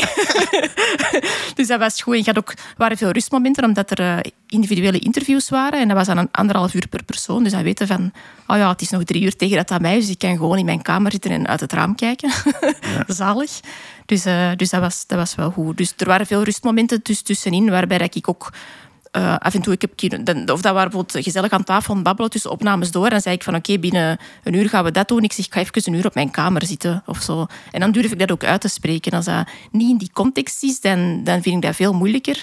Maar nu dacht ik van oké, het is mijn week. Ik pak, ik pak mijn momenten.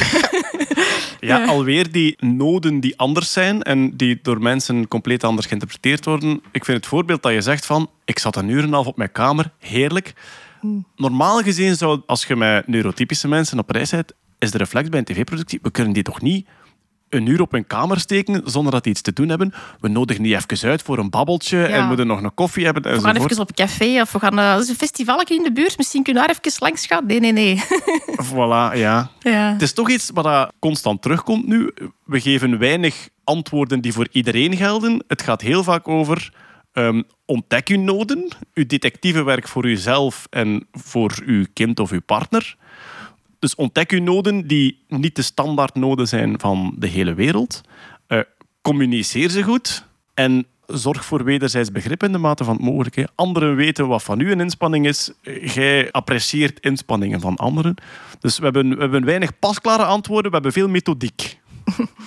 Ik denk één dimensie waar we over in de context van relaties nog niet over gesproken hebben, lieven, is de vragen die we heel vaak krijgen rond uh, seksualiteit en gender. Ja. Ik denk dat dat een thema is waar we het nog niet over gehad hebben, wat misschien wel goed is om, om ook nog even aan te raken. Vroeger en dan zeg ik, pakweg twintig jaar geleden, werd er eigenlijk amper gesproken over seksualiteit in de context van autisme. Men dacht dat mensen met autisme een soort van asexuele wezens waren, waar dat niet aan de orde was. Of dat als er iets van seksualiteit was, dat dat vooral heel problematisch was. Daar zijn we gelukkig vanaf. Ik denk dat er een veel positievere kijk eh, gelukkig intussen is op eh, seksualiteit bij mensen, eh, bij mensen met autisme. Ehm, wat we intussen wel geleerd hebben, is dat er eh, veel meer diversiteit is. Diversiteit in wat autistische mensen fijn vinden, wat ze doen.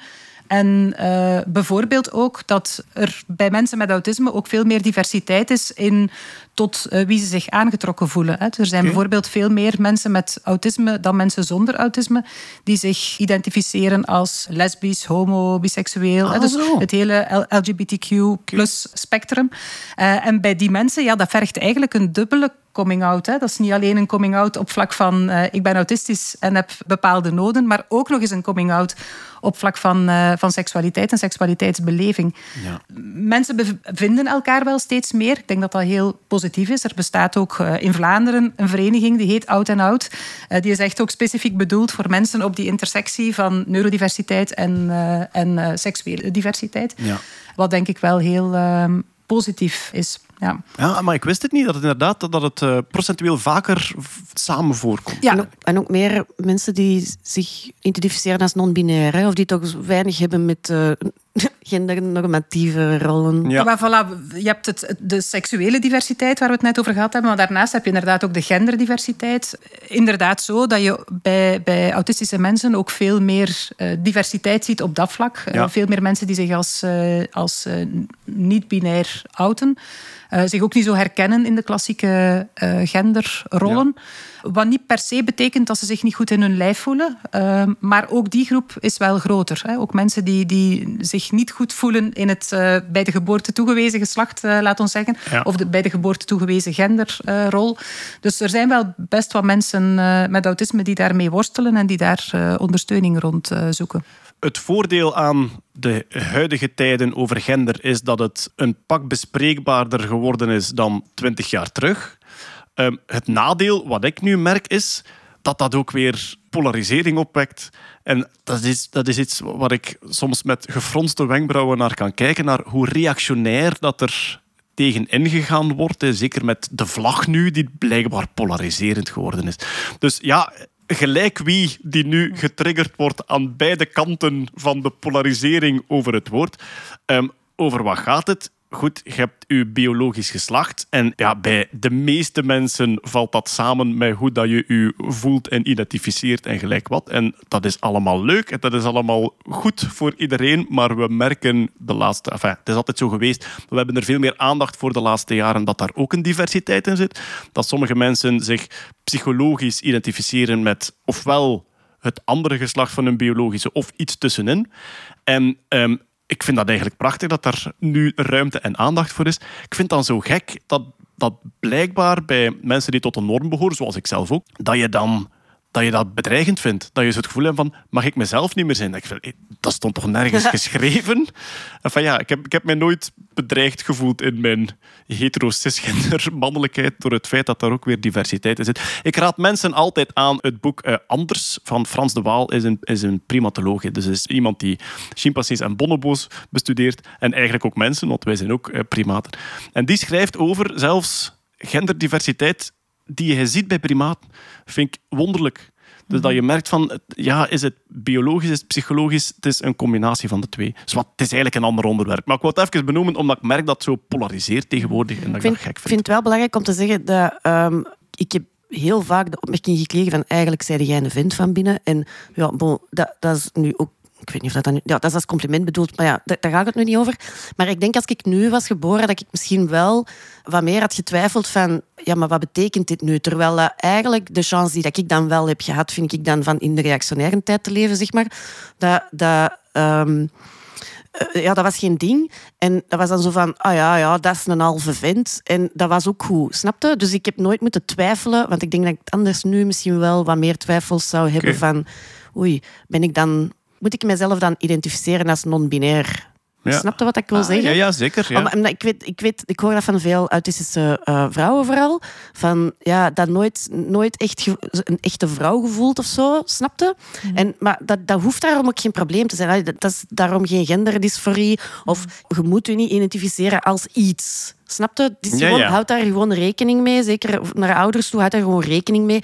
Dat dat heel goed mogelijk is dat je autistisch kind ja, niet gendernormatief is, maar dat dat daarom niet wil zeggen dat daar iets meer onder Moet zit. gebeuren, ja. Ja, dus door de tijd van de jaren 90 zijt jij eigenlijk in uw huidige genderidentiteit gekomen en gelukkig voelt jij je daar goed bij. Dus dat is eigenlijk ideaal en je denkt, het zou vandaag meer keuzestress zijn. Ja. Ja, voilà. En mensen zeggen dan, zie je wel dat het vroeger gemakkelijker was? Voor maar- sommigen wel.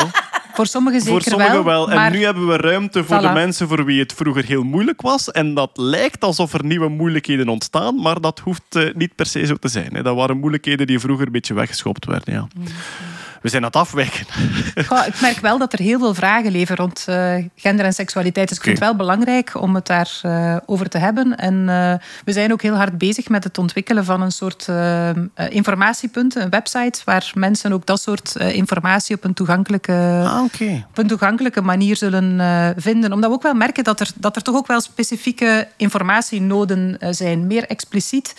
En eh, ik denk ook, ah, je toch ook een belangrijk punt opnieuw over die grenzen. Ik denk dat heel wat eh, autistische mensen die ik daarover gesproken heb, zelf ook wel aangeven dat ze heel hard, heel hard hebben moeten leren om hun eigen grenzen daarin te kennen en uit te drukken. Eh, ik denk ook dat er heel wat autistische mensen zijn, vooral vrouwen, maar niet alleen vrouwen, die heel hard de ervaring hebben dat er over hun grenzen heen is gegaan. En die daar dus ook traumatische ervaringen in hebben eh, opgelopen. Dus in dat opzicht, ik denk wel echt dat er specifieke noden zijn bij sommige mensen en dat het goed is om daar eh, kanalen voor, voor beschikbaar te stellen. Ja, ja. Alweer dingen die misschien te normaal lijken voor iedereen. Die dan een grens zijn die, eigenlijk, die je eerst bij jezelf moet ontdekken. En dan ook nog eens duidelijk moet communiceren binnen een relatie. Ja. Ik wil daar nog aan toevoegen, ik leef ook samen met een autistische vrouw. Ehm, en wij merken dat ook, allee, zowel vanuit haar ontwikkeling, van, eh, mijn ontwikkeling ook, ehm, dat dat heel moeilijk is, die grenzen tussen enerzijds man zijnde en vrouw zijnde. Als zij bijvoorbeeld kleren gaat kopen, is dat al, dat is één praktisch voorbeeld, maar dat, dat loopt altijd op een discussie uit tussen de verkoopster, die vindt dat dat, niet te, dat dat eigenlijk niet hoort voor haar, dat ze naar de mannenafdeling gaat ik ga nu niet naar de vrouwenafdeling, maar allee, ik heb ook wel aanpassingen en al zo nodig. Maar bij haar is dat nog altijd... Bij, blijkbaar, hij kan zich daar dood aan ergeren hoe dat kledij bij vrouwen, dat dat slecht gemaakt is volgens haar. En dat dat niet aan haar noden voldoet. Ja, ja. Ehm, maar ook voor schoenen en zo, allee, dat, dat zij wordt gezien als een man eigenlijk. Ehm, als hij gekleed is zo. Dus vaak worden wij aangesproken als mevrouw en meneer, en maar dan andersom. Ik word als mevrouw beschouwd en zij wordt als meneer beschouwd. Ja, zeker als we telefoneren is dat blijkbaar zo. ja. Maar eh, ook als we ergens naartoe gaan, dan is het zo van, ja, een, les- een lesbisch koppel eigenlijk. Oké. Ja, om om een of andere reden, ja. Ehm, maar ik merk dat ook bij, bij haar thuis bijvoorbeeld, mijn, mijn schoonouders. Ehm, ja, die vinden dat totaal not dan dat, dat zij eh, ja, sowieso samen is met iemand met autisme. Dat wij twee samen zijn. Dat wij over een kinderwens denken. Dat, is, dat was ongelooflijk. eh, een, ja, eigenlijk een, een atoombom die viel in, in die... in- eh, dat we daar naar de erfelijke, eerst zijn we naar de erfelijke screening geweest, naar medische eh, genetica. Ehm, gewoon eigenlijk om dat een beetje te ontmijnen en zo. Ehm, dan kregen wij te horen dat wij perfect een kind konden maken. Dat wij daar geschikt voor waren, ook opvoedingsgewijs. Dat was totaal zo van, waar gaat de samenleving naartoe? Dat dat wordt gezegd, dat dat mogelijk is. Twee mensen met autisme, sowieso één mens met autisme is al erg. dat, is, dat is zo van, ja, zo. En, en ik- ja, als dat over seksualiteit gaat en over toekomstplanning en familieplanning, dat is dat zeer moeilijke gesprekken, merk ik. In, in, ik denk dat dat bij andere mensen ook wel vaak zo is. Ehm, en dat je daar een grote druk voelt ehm, ja, om toch, ja, soms bij, bij haar dan, om zich onvruchtbaar te, maken, te laten maken. Och. Ja, maar het is natuurlijk, elke familie is anders, maar bij ons is het toch wel een zeer ja, West-Vlaamse familie, dus zeer kat- katholiek en Ja. allee, zo, ja, nogal burgerlijk. En ja, dan, het is echt wel zoiets. En ik, ik zelf heb ook een genetische aandoening, ehm, die losstaat van autisme, maar dan, die eigenlijk helemaal er niks mee te maken heeft, maar dan komt dat nog een keer bij en zo. Dus dat zijn zeer moeilijke gesprekken die ja, soms op hysterische reacties uitlopen. Ja, ja.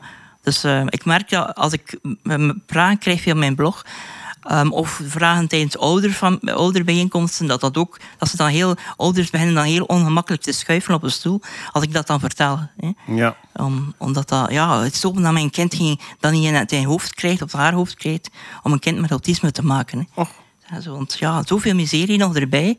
Hè. Allee, dat is, gelukkig zijn er ook andere ouders en andere situaties, maar Maar ouderschap is misschien ook iets goed om aan te halen. Ehm, als ouder met autisme ofwel kinderen hebben die ook autisme hebben of niet, hoe ga je daarmee om? Goed, ik heb zelf de kindertijd meegemaakt. Ja, dat is sowieso een uitdaging. Dat is sowieso al vele bordjes in de lucht houden en omgaan met een situatie die je niet kent, omdat, ze, omdat ze nieuw is. Zijn er handvaten voor een ouder met autisme om om te gaan met de chaos van het jonge ouderschap? Ja, ik heb de chance, en nu ga ik misschien mensen choqueren, maar ik heb de chance van eh, een autistische zoon te hebben. Ik denk dat het pak moeilijker voor mij zou zijn geweest, moest dat een neurotypisch kind zijn geweest. In manier van omgang of van stressmomenten? Of, Een ehm, manier van de noden van dat kind, hè, want dan is dat met verjaardagsfeestjes om het meeste volk en, Ah, ja. en heel veel eh, activiteiten. Hè. Ik, hoor zo, als, als ik ik hoor wat sommige kinderen op een weekend doen, dan denk ik, wow, Dus eigenlijk, je bent blij dat hij ook niet naar de Dardenne wil. Voilà. voilà. En verjaardagsfeestjes, nou, nu snap ik het. Ja, ja. Dat is echt een chance. We hebben, allee, als we, ook als wij bijvoorbeeld met twee naar, eh, op reis gaan, als we een citytrip doen, dan is dat, we gaan één activiteit doen per dag en voor de rest lummelen we rond en dat is perfect. Ter- terwijl dat je misschien ja, soms andere kinderen hebt die dan en naar het waterpark willen gaan en dit en dat. Maar wacht, wat was de vraag? Handvaten als... Ah, wel, maar je zit eigenlijk... Je zit eigenlijk enfin, dat wordt mij al veel duidelijk nu. Stel dat je als ouder met autisme een neurotypisch kind hebt, die inderdaad het verjaardagsfeestje wil en eh, s s'avonds ook nog naar het zwembad, ja, dan komen we toch weer uit op uzelf kennen. Iets wat je in het begin ook allemaal gezegd hebt. In het begin mispakte u constant omdat je uzelf overschat qua mentale energie die je hebt. En dan zou je toch nog naar het zwembad meegaan en nog het familiefeest. En dan zijn je een wrak en je weet niet waarom. Dus alweer als ouder dat heel goed bij jezelf herkennen. En het moeilijke moment dat je dan aan je kind moet aangeven: dit gaat niet voor mij. Ook daar weer eh, dat wederzijds begrip zoeken. Hè. Je zit natuurlijk met een kind, ja, als die zeven of acht jaar zijn, en je moet daar een uitgebreide uitleg geven waarom er niet naar het zwembad gegaan wordt, dan is het misschien iets moeilijker om dat op wederzijds begrip te spelen. Maar toch ook weer, ja, hoe duidelijker dat is voor het kind dat dat, dat, dat echt een inspanning is als je het wel doet, hoe beter. En ook wel, ja, er is natuurlijk nog een papa. Hè. Nu, wij, wij, zijn wel, wij zijn wel gescheiden, maar de papa die doet bijvoorbeeld niet liever dan naar het waterpark gaan. Ah ja. Dus dat is, dat is echt wel een, een cadeau. Hè. Dus Ja, ja. hij doet dan die dingen en ik doe dan andere dingen. En voilà, dan is iedereen content. Ik denk dat het ook eh, belangrijk is om je netwerk te durven eh, inzetten. Eh, Ah, it ja. takes a village to raise a child. Zeker. Ik denk eh, dat dat geldt voor ieder kind en voor iedere ouder. Maar in het geval van autisme zal dat nog extra gelden. Eh, ja, durven vragen aan mensen of ze mee een zorgrol kunnen opnemen op momenten dat het wat te veel is, zodat je zelf op tijd rust kan inbouwen en er wel te staan op de momenten dat het voor jou nodig is. Ja, ik denk dat we daar echt ook wel echt, ja, aandacht voor moeten hebben als omgeving van, van iemand met autisme en ook open, vrijblijvend eh, aanbod doen. Je moet jezelf niet opdringen, hè, maar gewoon aanbieden dat, dat die optie er is. Ik denk dat dat echt eh, een groot verschil kan, eh, kan maken. Ja, en misschien dan vooral voor die sociale activiteiten zoals het tropisch zwembad, wat ik mij kan voorstellen dat een voor vele mensen met autisme een grote uitdaging. Ik zie u al verkrampen God. als ik het woord uitspreek, Stefanie. Tropisch Ja. zwembad. Ik ben ooit naar Centerpark geweest met mijn schoonouders. Oh my god, ik heb daar nog nachtmerries van. Oh, veel lawaai, zintuigelijke prikkels, onverwachte situaties. Ja, dat is toch plezant? Frieten die door het water drijven. Oh, prachtig. Frieten door het water drijven. Waar ga jij naar Ja, dat was in Engelo vroeger. Er was, een, er, was een, er was een frituur in het zwembad. Echt waar. Dat konden in uw zwembroek zo frieten bestellen. Die dreven af en toe door het water. Eh, lijkt mij iets voor u, Sam. Ik denk, Ja. dat, je, denk dat je nu al denkt, oh heerlijk. Frieten in het water. maar... ehm, dat zijn dan dingen die andere gezinnen juist fantastisch vinden. Dus dan is het misschien wel handig van iets dat een ander gezin juist heel leuk vindt. En uw kind vindt dat ook heel leuk. Maar ook daar weer, als dat ander gezin dat interpreteert als nu willen ze er even gemakkelijk vanaf zijn, in plaats van dit is iets heel moeilijk voor een ouder met autisme en wij helpen die. Het is, het- ja, het is ook weer weten welke inspanning dat je, dat je vraagt en daar dan eh, ja, appreciatie voor hebben. Ik merk het al nu gewoon bij ons gezin. Ja, onze, jongste, onze jongste dochter kan nog niet alleen thuis blijven als wij een weekend weg zijn. Die gaat dan heel graag logeren bij vriendjes. En die vriendjes komen dan bij ons logeren. En vaak is dat op momenten dat het voor ons net het gemakkelijker is als er een speelkameraadje is. Dus ja, inderdaad, die, die dingen die heel moeilijk zijn als ouder met autisme, die je kind toch graag wil doen, als je daar dan een ander gezin voor vindt die dat af en toe wil, wil overnemen, en daar kan je dan zelf iets anders tegenover zetten. Ja. In het informele circuit eh, ideaal als dat, als dat zo geregeld geraakt. Eh, voor sommige gezinnen lukt het niet om dat zelf informeel geregeld te krijgen. En dan eh, merk ik dat dat ook bijvoorbeeld via pleegzorg soms eh, geïnstalleerd geraakt. Om eh, ja, een soort van modus vivendi te vinden. eh, waarin je er echt kan zijn voor je kind op de momenten dat je er, dat je er staat. Eh, en dat je toch weet van ja, eens in zoveel tijd heb ik eens een weekend dat kan bijtanken. en is er iemand die ik vertrouw die voor mijn kind gaat zorgen. Ja. We hebben het al op verschillende momenten gehad over eh auticoach, eh, begeleiding enzovoort. Zowel voor het kind met autisme als voor de volwassenen. Misschien is dat nog wel een heel belangrijke vraag. Het, het lijkt erop voor mij alsof dat jullie ehm, ja, daar de, de goede begeleiding in gevonden hebben, de goede partners gevonden hebben die je op de juiste momenten om advies kan vragen. Ehm, is dat een evident traject geweest of is dat een hobbelig parcours geweest? Dat is een heel hobbelig parcours. Ik denk dat je toch wel... Allee, ik heb toch heel wat therapeuten gehad voordat ik bij een heel goede therapeut terecht kwam. Een hele auticoach dan. Dat is misschien nog wat anders dan therapeut, maar sowieso iemand die voeling had met autisme en toch niet, ehm, hoe zal ik het zeggen, een testjestherapeut was, zoals ik dat soms noem. Iemand die, die eerst kijkt naar het autisme en dan kijkt naar de mens. Ehm. Ah, wel, misschien voor de mensen die nu aan het luisteren zijn, wat zou je zeggen tegen uzelf in het begin van het traject? Hè? Dus stel dat je uzelf moet adviseren in het begin van het traject. Wat zeg je dan van doe dat vooral wel en dat vooral niet? Ehm, ik zou vooral niet te veel kijken naar eh, iemand die heel veel diploma's eh, had, eh, op zijn website zet en eh, uitpakt met allerlei publicaties. Ja, die, die eigenlijk eh, zegt van mensen met autisme kunnen bij mij, ja, als ze bij mij komen, kunnen ze verder komen in de maatschappij. Ehm, Die prestatiegericht is ja, dan dat zou ik toch. Ja, iemand die kijkt naar het probleem vooral en niet kijkt naar ehm, wat dat er eigenlijk allemaal gebeurd is. Ik, ik, voor mij, wat dat voor mij werkt, maar wat dat voor iemand anders werkt. Wel, dat is misschien niet- inderdaad belangrijk dat je dat zijn, aanhaalt. Ja. Wat voor mij werkt is een oplossingsgerichte oplos- ehm, therapeut. Dat is iemand die kijkt wat is er allemaal goed gegaan en vanuit dat perspectief vertrekken we naar wat dat er nog beter kan of wat dat je misschien beter geen energie meer insteekt, Mhm. voorlopig, of eh, dat zijn dan de beperkingen. Hè. Of wat je in je omgeving kunt aanpassen. Ehm, maar evengoed kan er iemand zijn die een hele andere aanpak vergt natuurlijk. Maar eh, ja, Ja. ja, voor- voor mij is het vooral iemand die ook niet te veel. ehm, ja, iemand waar je vertrouwen in kunt hebben, die niet direct met iedereen om je heen begint te praten. Dat is voor mij wel. En die echt wel vanuit jouw mandaat, vanuit jouw eh, goedkeuring vertrekt. Van niet iemand die zegt van ik ga nu eerst nog een keer met je ouders gaan praten en dan nog een keer met je huisdokter en dan nog een keer met, je, met iemand anders. Ja, ja, dat Wat vanuit ik ook al gehad, heb. ja. Ehm, ja.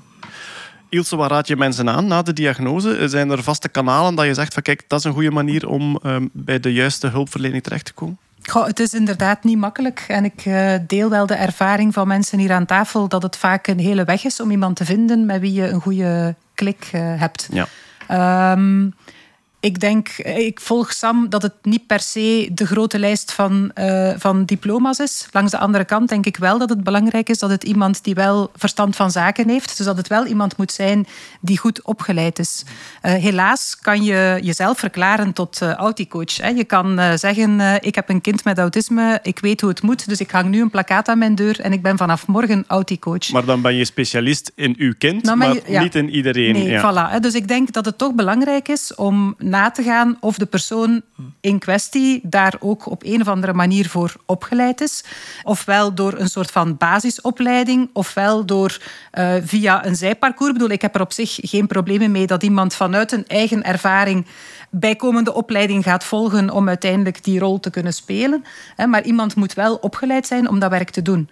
Iets anders wat ik belangrijk vind, is dat het iemand is die niet uh, solo slim speelt. Iemand die ingebed is in een soort van netwerk, liefst een multidisciplinair netwerk, waar die ook te raden kan gaan bij collega's. Ja, ja. Uh, want niemand heeft het antwoord voor alles. Hè. Ook uh, de meest ervaren uh, auticoach, de meest ervaren therapeut, heeft collega's nodig om mee te overleggen. Dus dat vind ik zelf ook iets heel belangrijk. Dat het iemand is die ingebed is in een ruimer netwerk en die kan overleggen met collega's, liefst ook collega's van andere disciplines.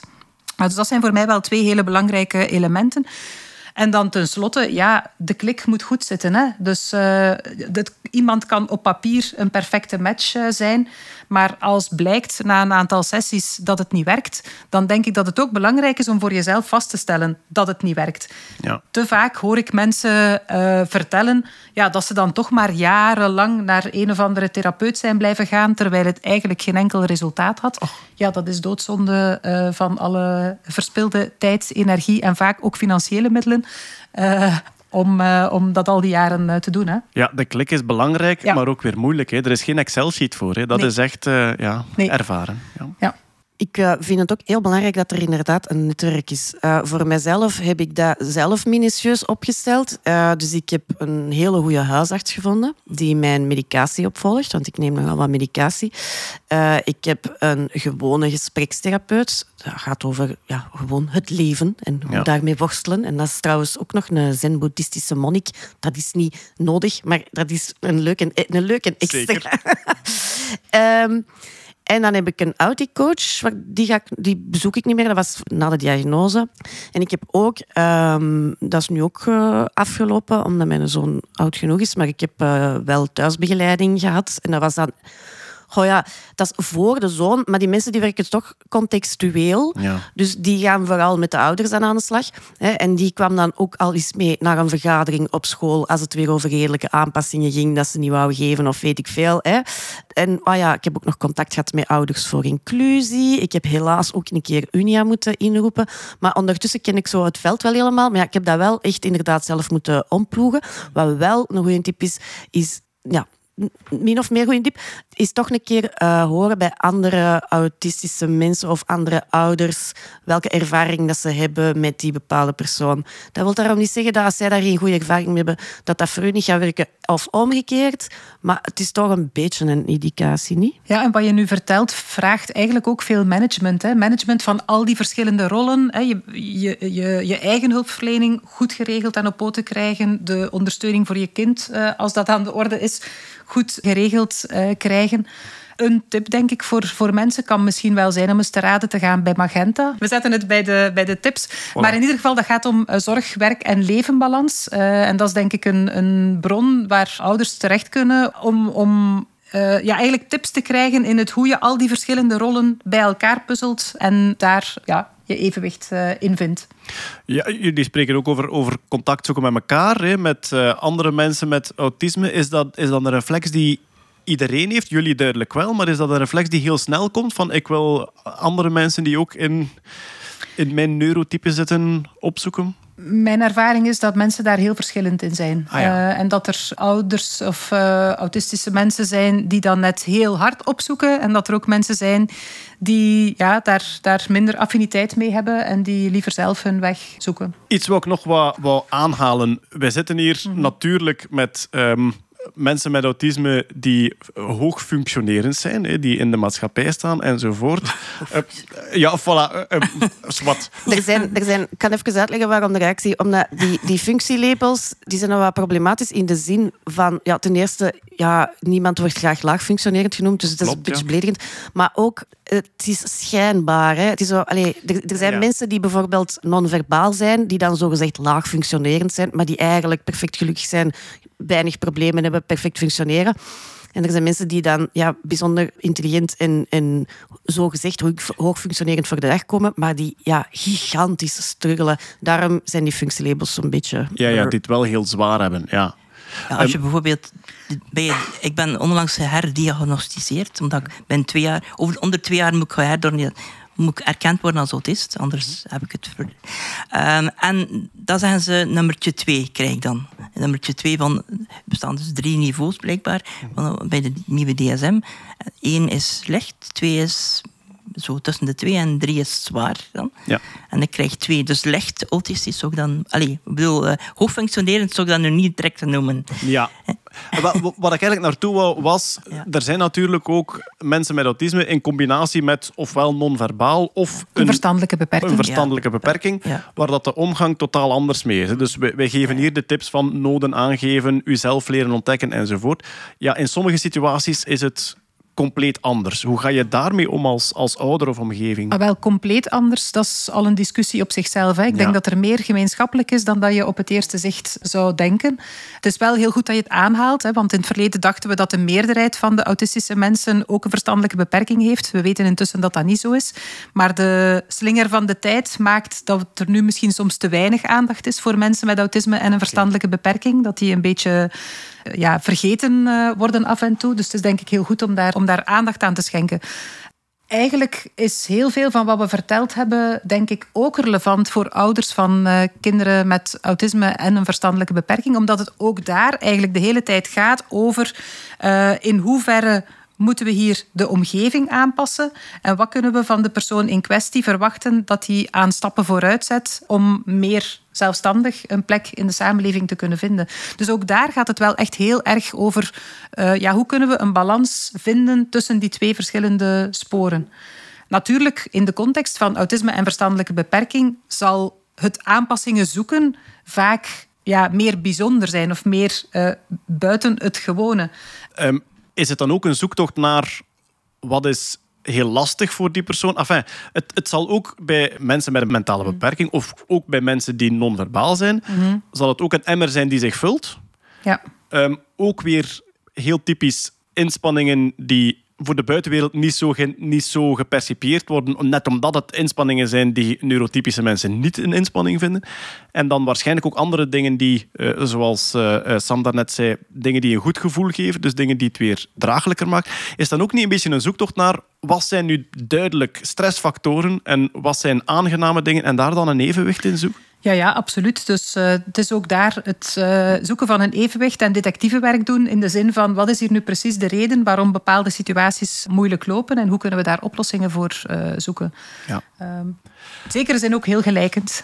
Ja, we komen uit bij ehm, de titel van uw boek, Sam. eh, Autistisch gelukkig. Ehm, wat is daarvoor nodig? Of wat is, wat is dat voor u, autistisch gelukkig zijn? Voor, voor mij is je autistisch gelukkig zijn op een positieve manier leven met je autisme.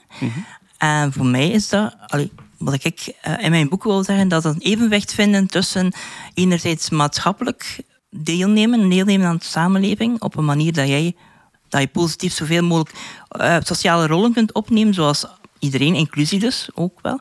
Dus die, Ehm, die, die eigenwaarde van uw Ja. maatschappelijke functie, die is ook belangrijk wel. Ja, dat je ook groeit, dat je ook stappen zet die voor jezelf, eh, naar, jezelf naar je eigen dromen en zo.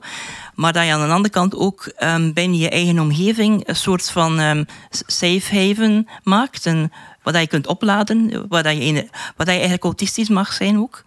Ah, dus uw eigen... Uw eigen Dus aan de ene kant dat je plek. zowel in de samenleving kunt participeren, maar aan de andere kant ook kunt een evenwicht vinden ehm, in je eigen plek dat je daar autistisch mag zijn. Zonder te veel aanpassingen Dat je, aan- ja, ja. dat je daar geen je compensatie minimaal moet houden. En zodanig dat je op lange termijn verder kunt. Ja. Want ik, ik ken veel mensen met autisme wat ik waarschijnlijk die zodanig sterk de kaart trekken van maatschappelijke participatie en van alle soorten dingen, dat ze waarschijnlijk binnen een paar jaar tegen de muur zullen lopen en een of andere burn-out krijgen ehm, of uiteindelijk ja, zelf gestopt worden. Dus als jij mensen ziet die echt heel ver gaan in en ik kan het en ik ga ervoor Ja. en een aanpassing enzovoort, dan denk je bij jezelf, waarschijnlijk heb jij je eigen plekje nodig, want je gaat... eh, Ja, daar heb ik wel mijn bedenkingen bij. Maar ja, natuurlijk, iedereen heeft natuurlijk veel. Sommige mensen hebben heel veel energie, maar ik denk dat die ooit wel stopt. die Ja, ja, ja. Als, je toch, als je autisme hebt, toch, denk ik. autistisch gelukkig zijn, nog aanvullingen? Ja, ik ben perfect autistisch gelukkig. En dat is inderdaad wat Sam heeft gezegd. Het is een evenwicht vinden tussen de dingen die je wil doen en die je kunt doen en die je graag doet. En ja, toch ook wel inderdaad ja, een goede mama zijn, een vriendin zijn, een, een, een toffe job uitoefenen en tegelijkertijd ook inderdaad ja, je grenzen bewaken. Eh, er is een, een fantastisch programma, allee, ik weet nu niet of dat een fantastisch programma is, maar het heeft een geweldige titel eh, op eh, de Nederlandse zender geweest en dat was Het is hier autistisch. En eh, ja, als je bij mij in mijn appartement binnenkomt, ik woon daar bij mijn zoon, daar is het dus autistisch. En daar gelden totaal andere eh, normen. En dat is fantastisch. En soms moet je zware keuzes maken. Bijvoorbeeld eh, uit de, een van de meest populaire podcasts van Vlaanderen stappen, omdat het te veel omdat het te veel is. En dat is even hard. Maar ja, je moet je gezondheid zelf bewaken. Iemand anders gaat het, eh, allee, als je volwassen bent, toch eh, niet meer doen. En, maar als je dat evenwicht kunt vinden... Ja, ik kan zeggen dat ik perfect eh, autistisch gelukkig ben. Helpt ouder worden? Ik vind van wel, omdat, het, omdat je eh, minder aantrekt van wat mensen van u denken of van u verwachten. Ook omdat je al wel wat hebt laten zien. Hè. Je hebt al wel wat gepresteerd. Je moet je eigen niet meer zo hard bewijzen, denk ik. Is een, een, een twintiger met autisme die, die begint aan het maatschappelijk leven, is dat een moeilijker situatie? Voor mij was dat een heel moeilijke periode. Hoe was dat bij jullie? Zo de, ja, het studeren. Ik denk dat ouder worden met autisme, ik denk dat dat ehm, te maken heeft... Ik denk niet dat het veel verbetert, maar ik denk dat er wel periodes zijn, ehm, plateaus, waar dat je je beter voelt. Maar als er dan een grote verandering komt, bijvoorbeeld 65 bij sommige mensen, of ehm, de, ouder, de dood van je ouders, zoals bij an, ik denk dat bij iedereen heeft dat een groot effect, maar ik denk dat dat als persoon met autisme moet je opnieuw op zoek gaan naar manieren die werken voor je. En bepaalde dingen komen dan in gedrang en zo. Dus eh ga samenwonen met je partner bijvoorbeeld. Dat is ook een belangrijke eh, ding. Ehm, ja, Die grote levensmomenten. Zeker als je met een autistische partner gaat samenwonen. hè, dat, is dat, eh, Groot, allee, dat zijn zo de grote momenten. En ik denk ook dat als je een diagnose krijgt, dat dat ook vaak komt na een of ander moment. Zo als je school eh, ehm, vertrekt vanuit school of direct gaat gaan werken of allee, ontslegen wordt. Maar dat ook bij mensen die mij vragen van... Ja, ehm, ik ben pas ont- ontslagen en ik vind totaal niks meer terug van mijn leven. En ja, ik zou misschien denken dat ik ook autistisch ben. Hè. Dat, is, allee, dat zijn zulke momenten dan. Ja, ja, En ik ja. merk dat ook dat ik heel veel dingen dan die vroeger werkten voor mij niet meer werken, dat ik ze eigenlijk constant moet heruitvinden. Oké, ehm, on- onze tijd is helaas op. Ik heb net hetzelfde gevoel als bij de eerste. Eh, We hadden dit nog een uur kunnen doen. Maar kijk, even voor mijzelf. Hè. Eh, wat heb ik eruit gehaald? De pasklare checklist van dit moeten jullie nu gaan doen als je ofwel autisme hebt of iemand in je omgeving. Die, die is er niet. Hè. Dus die, die kunnen we niet geven. Ja, we, we- we hebben veel gesproken over uzelf leren ontdekken. Over dat dan ook leren aangeven. Ook als omgeving weten dat totaal andere dingen een inspanning zijn voor mensen met autisme dan normaal. Ehm enfin, dan neurotypisch. Ik, ga toch een, een paar, ik heb een paar one-liners opgeschreven. Vind ik altijd tof. Dat zijn de momenten... Oei, dat van die zetel? nee. Eh, ja, welke, welke prachtige uitspraken zijn mij bijgebleven? Eh, voordenken vind ik een mooi woord. Ja. Dus echt op voorhand gaan nadenken van wat gaat er komen? Wat moet ik daarmee doen? En daarbij eh, aansluitend, ehm, Elise, eh, ik moet goed zorgen voor mijn toekomstige zelf. Vind ik een prachtige zin. Dus dat je echt gaat moeten nadenken van... Hmm, donderdagavond, Elise. Wat kan ik voor jou alvast doen? Ja, exact. ja, goed zorgen voor mijn toekomstige zelf. Eh, benoemen wat een inspanning is, hè, heb, ik hier ook eh, bijgezet. En daarbij samenhangend het detectivewerk. Stefanie, het feit dat het eerst nog ontdekken is bij uzelf wat een inspanning is. En dan ook bij uw kind bijvoorbeeld. Hè. Gelukkig zijn autistische mensen extreem goede detectives. Dat kennen we van de Ja. films en de tv-series. hè, Dus dat kan geen probleem zijn. Af, voilà. Maar ja, ook, ook een neurotypische ouder moet detectieve worden Ja, ja. voor... Maar die kan altijd de hulp inroepen van... eh, nee, maar dat is wel zo. Ik, ik zou... Als, eh, als neurotypische ouder van een autistisch kind denk ik dat het wel heel belangrijk is dat je toch een paar autistische volwassenen Ah, ja. eh, kent. Ja. Ja, ja, ja. Zoek er een autistische volwassene bij, want die gaat andere dingen zien. Autistische detectives eh, zoeken en dan vervolgens het leven ondertitelen. En wel, kijk, het was mijn volgende die opgeschreven stond. Ondertitelen van het leven. Ik vind een prachtige tip voor ouders van een eh, kind met autisme. Dingen die evident zijn voor heel veel mensen, daar hebben zij een uitleg bij nodig. Ik denk dat we erop uitgekomen waren, het is nu veel te specifiek, maar ik denk dat we erop uitgekomen waren door het heen en weer gaan in een gesprek en het voorbeeld van eh, iemand met autisme die iets heel hard aan het uitleggen is en opnieuw en opnieuw en opnieuw, terwijl dat de andere persoon daar duidelijk geen boodschap aan heeft. Dus dan kan je als ouder gaan ondertitelen en zeggen van ja, ik zie dat je dit nu heel graag wil vertellen, maar die andere persoon wil nu eigenlijk iets anders gaan doen, dus die vindt dat niet tof. En dat lijkt voor ons dan veel te evident. En die ondertiteling helpt dan die mens om dat te duiden. Ondertitelen van het leven. Ik vind, vind het prachtig. Dit is ook alweer een mooie titel van een boek, eventueel. En dan detectivewerk. En wat daar ook bij kwam, was uzelf kunnen uitleggen. Ik denk dat die van u kwam, Elise. ik kan mijzelf intussen goed uitleggen. Vind ik ook weer een prachtige zin. Dus je hebt uzelf dan onderzocht, je hebt uzelf ondervonden. Maar dan ook de reflex hebben van, kijk, dit is wat ik ontdekt heb over mezelf. Misschien is het handig als we daar alle twee van op de hoogte zijn. Dat dat ook eh, geweldig helpt. Oké, ik denk dat we nog wat eh, eh, boeken en kanalen kunnen vernoemen waar mensen bij terecht kunnen. Want dat, is, dat hangt een beetje samen met mijn conclusie. Ja, dit is niet de podcast waarin we het lijstje geven van als je dit nu doet, dan is alles opgelost. Het is vooral eh, ga op zoek naar andere verhalen, ga op zoek naar mensen met ervaring die daarover vertellen. Je krijgt gewoon ik heb een beetje het gevoel voor mijzelf dan, hè, van optrekkende mist. Bij onze eerste special had ik zo het gevoel van... Ja, heb ik nu een duidelijk antwoord op wat het is? Nee, maar er is veel mist weg. En ik heb nu weer hetzelfde gevoel.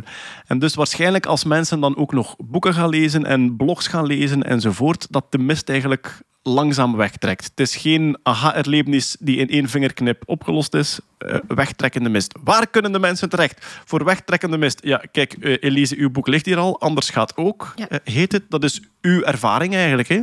Ja, dat zijn vooral mijn, eh, mijn, mijn trucjes hoe ik omga met het dagelijkse leven. Voilà. Ja. Sam, bij u kunnen ze terecht op uw blog en ook bij uw boeken.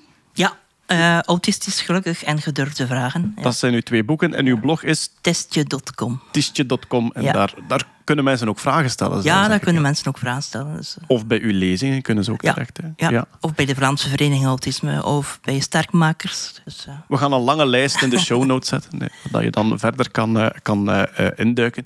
Ik heb misschien nog wel een eh, tip voor autistische mensen die interesse hebben in onderzoek, in het zelf nadenken over onderzoek of input geven rond onderzoek, of die aan beleidsparticipatie willen doen. Ik denk dat die ook zeker welkom zijn bij LAVA. En LAVA is de lees- en adviesgroep van volwassenen met autisme. En eh, hoe je die kan bereiken, zullen we zeker ook in de show notes eh, zetten. Voilà, kijk. ehm, we hopen dat de mist ook bij jullie ietske opgetrokken is. We hebben extra kanalen gegeven voor nog meer mistverwijdering. en we maken nog eh, show notes waar we nog heel veel dingen bij zetten. Voor, want ja, dat is toch ook iets wat ik zelf ook weer bijgeleerd heb. Het is duidelijk een proces. Hè. Het is niet van, we gaan u nu eens uitleggen hoe je het oplost. Het is echt bijleren, bijleren, bijleren, volgende stap zetten en er steeds eh, beter zicht op krijgen. Dan eh, moeten wij hier afronden. Enerzijds helaas, anderzijds heel blij dat we dit weer kunnen doen hebben. Want Stefanie, dat wil ik toch ook wel meegeven. Het was, jij hebt ooit gezegd, we moeten een autisme special doen. En het is eh, de podcast waar we het meest reactie op krijgen. Yay! Van, van alles. Ja, het is echt waar. We krijgen enorm veel reactie van mensen die het nodig hadden of mensen die het heel verhelderend vonden. Eén keer zelfs iemand die zei, ik moest er naar luisteren van mijn opleiding. Dus Oh, ja, we zijn, we zijn educatief lesmateriaal. Dat, is, eh, Ja. dat is fijn. Dus ik dank iedereen hier eh, aan tafel. Stefanie de Inay, eh, Ilse Noens, Elise Cordero en Sam Tiestje.com. Dank u wel dat jullie erbij waren. Het zal hopelijk voor de mensen even aangenaam zijn om te beluisteren dan het voor ons was om te vertellen. Tot de volgende keer. Dank om te luisteren tot hier. Dag. Dag.